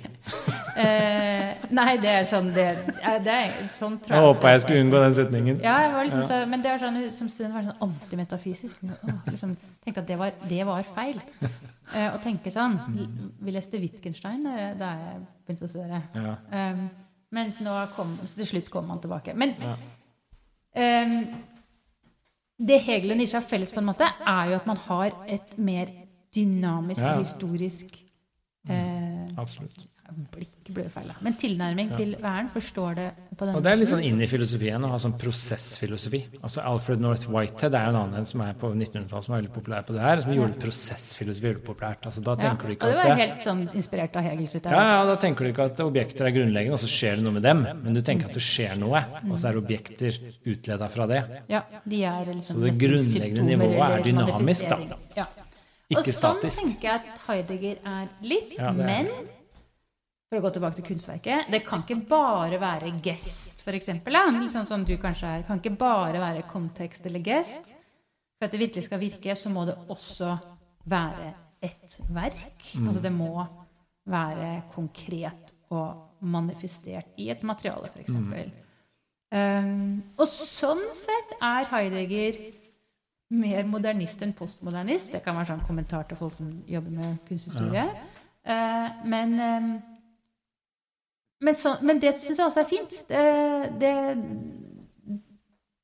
det at man at Vi spinner ikke helt eh, løs, og vi kan vi kan holde fast i Eller vi forsøker ja, tre, å, å holde fast i noen sånne eh, konkreter, på noe vis, som Ja. ordner verden vår litt, og historien vår. Mm. Eh, Så det kommer, men sånn, som, som skjer litt sånn innimellom. Og han er jo veldig opptatt når han har holdt med her, så er han jo kjempeopptatt av liksom, kan det begynne en ny, en ny begynnelse. Han har en ny begynnelse for filosofi, ny begynnelse for det tyske folk, ny begynnelse for Vesten, som liksom har ut ja, liksom Siste sukk, på en måte, Ja. i en sånn logisk utviklingsrekke. Det var Nietzsche. Eh, hva nå? Så han, er jo, han prøver jo å begynne noe. Har du lest de svarte heftene? Nei. De siste som er oversatt til norsk? Jeg har begynt å lese litt. Jeg har lest litt. Jeg har begynt å lese litt der. I den siste må. som har kommet på norsk, det er jo bind to og tre som har kommet på norsk. Ja. Eller to til fire, husker ikke. Det er i hvert fall noen av de første. Og der snakker han om det. Den nye begynnelsen. Mm. Det må noe nytt til. Vi må begynne på scratch. Og det er jo veldig sånn Nietzsche. ikke sant? Nietzsche sa jo det samme. Vi må bare revurdere alle verdier og begynne på nytt. For det har låst seg i et dårlig spor. Og det er jo det Heidegger driver med nå. Heidegger er jo, det er jo dårlig gjort med Nietzsche. ikke sant? Altså, Der hvor han skriver mye om det som jeg har lest, er i den Beit-reget, som er en tekst fra denne perioden her. Eh, Bidrag til filosofi. Den tror jeg ikke er på norsk. Nei, jeg har den på engelsk. eh, den er jo ja. kanskje vel så viktig som de svarte heftene, men kanskje litt vanskelig å lese. Kanskje vanskeligere å lese, jeg vet ikke. Men han sier om Nietzsche, ikke sant Han, set, han plasserer Nietzsche inn i siste kapittel i metafysikken. Altså feil måte å tenke på verden. Men han sier jo også at Nietzsche holdt på å ødelegge ham i denne perioden her. Og det tror jeg er fordi at Nietzsche han virkelig kjenner en masse som han Eller han innser ting med Nietzsche som han virkelig mener er riktig på noe vis. Altså, Men, han er ikke noe, er men. Heidegger er ikke Han er jo ikke noe rett, behandler jo ikke folk rettferdig. Så, så dermed så sier han at dette er egentlig liksom Platon på hodet, det Nietzsche driver med. Men mye av det som jeg tror nok For meg har det sikkert blanda seg, men mye av det som har vært innfallsvinkel til å forstå Heidegger om kunst, er i det bindet om Nietzsche som heter Nietzsche Ja, ja. Som hva heter det? Som eh, vilje til makt som kunst. Ja, ja, ja. Det er kjempeinteressant. Um, Jeg leste noe nylig. Der snakker han masse om det her. Men altså, i de svarte heftene, det siste som er oversatt til norsk, som jeg har lest, der er, det er jo altså, akkurat som man er i ferd med å bli Nietzsche. Altså, det er aforismer, det er korte passasjer der vi må omvelte alt begynne på nytt. Det er bare det Nietzsche drev og sa. Ja. Så, så det er liksom akkurat han har gått full sirkel. altså Han har lest Nietzsche tidlig, ikke sant? ble veldig påvirka, jobba ut hele livet sitt, og så kommer han tilbake til ja, det var egentlig det Nietzsche der som var Men altså, jeg har ikke lest ferdig, da. Det er litt urettferdig. Men Samme, men annerledes. Ikke Ja, ja, ja, Um, Men det jeg tenkte på, var hva ville det du sa i stad uh, Altså, hvordan tror du det at det, kunstverket må materialiseres på en eller annen måte. Hvordan tror du han ville tenkt om konseptkunst i dag? Helt sånn abstrakt, digital konseptkunst. Altså det er ikke noe verk. Hva heter det? Sånn digital kunst hvor du bare lager en kode, og så kjøper du koden, og så kan du dele mimene og med alt mulig rart, kunstverkene, digitalt så mye du vil, men det er én unik eier av koden, bare. Så det er ikke noe materialisert i noe som helst. Det er ren abstrakt struktur. um, Og det selges for millioner. Altså Du kjøper et kunstverk som er lagd på en datamaskin. Så kjøper du koden til det. Den eier du, men du har ingen rettigheter til å begrense delingen. Så kunstverket spres med bilder eksempel, på nett så mye du bare vil, men du eier koden. Men det er ikke materialisert. Det er ikke noe du kan henge på veggen. Det er bare en matematisk kode. Som er mangerealiserbar. Altså, jeg er føler at min egen tanke strekker seg ikke helt langt til å fatte det. Og så tenker jeg Jeg vet ikke hva man skulle gjort med Heidegger. Nei, for det det- ville være det liksom, motsatte, ikke sant? Det ville være stikk motsatte, at det er jordelig materialisert, da. Det er ikke Mm. Men- det. Et eller annet Ja, så det hm. Jeg tenker det må komme inn noe av dette som han, han er opptatt av, dette tinglige. Mm. Det som er selvtilstrekkelig på noe vis, og som unndrar seg, men bærer gesten eller gestalten, figuren, i et verk. Mm. Det må være der. Hvis vi skal være liksom bokstavtro, da. Uh, og det det kan jo selvfølgelig ta forskjellig form. Altså, han vet jo at ikke alt trenger å være gjort, laget i maling eller eh, stein. Og som det burde. Nei, men ordet altså, Han mener at diktning er jo det mest eksemplariske. Ja, ja. Men um, Men jeg har liksom tenkt på for eksempel ehm, Altså, det finnes jo en del moderne kunstverk som er litt sånn Også hvis du f.eks. kjøper en installasjon som et museum, ikke sant? Ja. eller eh, en performance piece. De kommer jo ofte med en oppskrift. Mm. Det er på en måte det kanskje du eier som et museum, og så kan du så kan du lage installasjonen, og helst skal kunstneren få komme og si at nei, du kan ikke bruke den i det rommet. og sånn. Mm. så, sånne ting blir det krangler om, f.eks. Um, og det presser jo på liksom alle, selvfølgelig alle de mer sånn etablerte sjangerkonvensjonene for skjønne kunster, men kan samtidig, de var, var, er jo egentlig bare noen hundre år gamle. Um, men Det blir fort sånne copyright-spørsmål og sånn, som er ganske interessant, tenker ja, du? det er ganske interessant. Og sånne rare puslespill. um, En som heter Sherry Irvin skriver om det er veldig artig. Men ah, jeg vet liksom ikke jeg, får, får ikke det, jeg klarer ikke helt å lage noen interessant kobling med Heidegger, annet liksom en kritikk. da, Nei. ikke sant? Men man kan jo tenke seg at han ville sagt bare noe sånt som at eh, at For han er jo veldig vag på hva den jorden er, som du sa Ja. tidligere. Så kan han bare ville sagt noe sånn som at om det er materialisert på en eller annen måte, så er det noe som avsløres i noe. Så om det er digitalt eller fysisk, er ikke så viktig. Men det er bare sånn det åpner seg en verden i noe. Dette tilfellet i datamaskiner eller et eller annet sånt. Ja, da men da må det noe. være sånn på en måte at i dette noe, da, at det har noe Hva skal vi si sånn tykkhet. Altså det er noe eget. Ja. At det ikke bare er eh, En matematisk struktur. Ja, Ja, nei, så ja, liksom eh, Har det Er det væren i en kode? Det, dette er Det sånn er bare i våre felles, altså En sånn intersubjektivitet det er en væren bare i våre hoder som er festa i en eller annen kode som vi kan dekode. Jeg vet ikke. jeg. Det er sprøtt. Jeg bare det er interessant å anvende en sånn på ting som jeg Ja. overhodet ikke liker. Jeg eh, Klager ikke at ikke, liksom, ikke på rappen klarer å si noe. Fakt- jeg tror jeg må bare si det. Mm. Som, det, kan, det kan ha med Heidegger å gjøre. Tror kanskje her det egentlig har med meg å gjøre. Jeg skjønner ikke det der Nei, vi kan la det være et åpent spørsmål. Men jeg prøver å holde oss under to timer, så vi skal begynne å runde av. Eh, tanken er eller, Jeg har ikke noen tanke. Det var helt feil begynnelse på setningen. Eh, poenget er at jeg har lyst til at vi skal prøve å si hva er det han egentlig Hvis vi skal oppsummere, da. Ja. For boka heter jo 'Kunstverkets opprinnelse'. Og begynnelsen sier jo ganske mye. Jeg har lyst til å lese den begynnelsen bare. Fordi han begynner jo hele boka Dette er på side sju i den Pax-utgaven du har der. ja. Og han sier han jo Boka heter jo 'Kunstverkets opprinnelse'. Og så står det 'Opprinnelse' angir det fra hvilket og gjennom hvilket noe er hva det er, og hvordan det er. Dette er Heidegger på sitt beste. Eh, Så opprinnelse, det er liksom det er en tings vesen, egentlig. En tings opprinnelse er dets vesen. som er Det Det sier noe om hva det er, og hvorfra det kommer igjennom hva. og liksom, Du får kjernen til tingen. Det er opprinnelsen. Og det han er opptatt av da, er da om kunstverkets opprinnelse. Det spør etter hva det i sitt vesen kommer fra og er. Så hva er kunstverket? Hvor kommer det fra? Hva er det? Og så har han denne kjente triangelen mellom kunstverket, kunstneren og kunsten. Og alle de tre er liksom sånn treenighet som er avhengig av hverandre. Du får ikke et kunstverk uten å ha kunst. Eller kunstner. Men du får ikke en kunstner uten å ha lagd et verk. Og begge to er definert av kunst. Ja, og begge, liksom, Den triangelen henger sammen, men de, de bunner vel kanskje ut i kunst. Og så er han opptatt av hva kunstens vesen. Og det er jo betegnende at kapitlene heter 'Kunstverkets opprinnelse'. Og så kommer kapitlene 'Tingen og verket', 'Verket og sannheten', og 'Sannheten og kunsten'. Så han sporer det jo skrittvis tilbake til kunsten som fenomen.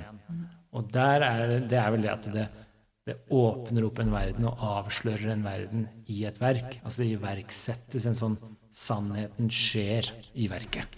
Ja, Er det liksom essensen her, eller? Ja, Han sier jo på en måte slutten at kunst er én måte sannhet kan skje på. Ja. Altså, Så det er sannheten som skjer, det er kunstens essens, er det ikke det? Ja. Eller, Er det svaret på tittelen? Diktning, sier han vel et sted. At, at det er, og så tenker han det som en slags sånn fellesting, ja. som ulike kunstformer har felles. Ja, for Mener han diktning sånn lyrikk, eller mener han sånn poesi som Aristoteles? Sånn skapende, fortellende Nei, det høres, ja, det høres ut som det er en måte å, å bruke språket på, da, som, som tenker og åpner eh, væren for oss på en måte som For er verden åpner seg i språket først og fremst. Ja, væren Nei, hvordan er språket? Huset til væren? Eller hjemmet til Ja. væren? Sier han et annet sted. Sånne poetiske bilder han har, som ikke egentlig alltid hjelper så innmari mye mer, men Ja.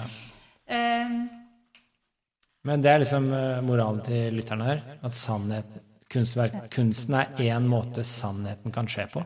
Ja. Det Og er det er en sånn Og sannheten er avsløringen av virkeligheten.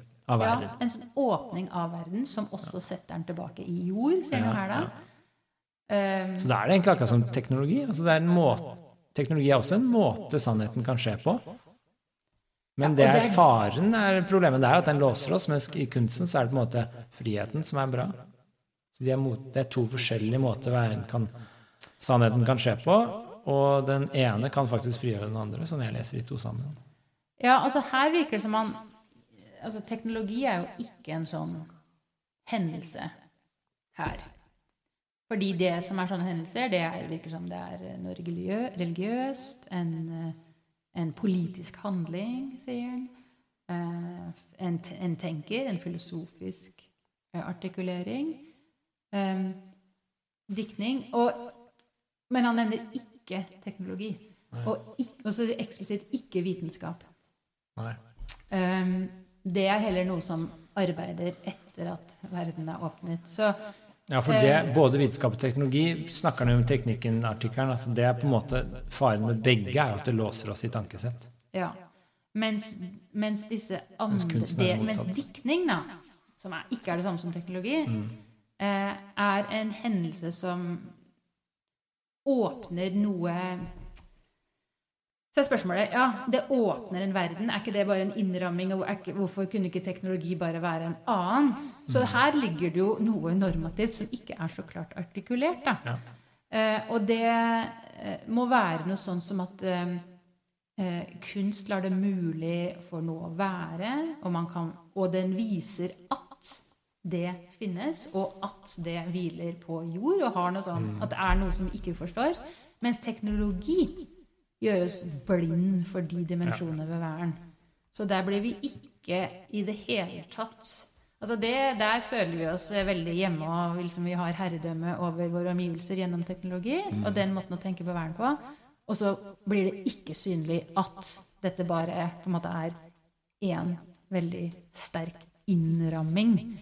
Og at væren er noe mer enn det som lar seg vises i teknologien. Så det er kanskje den viktige forskjellen.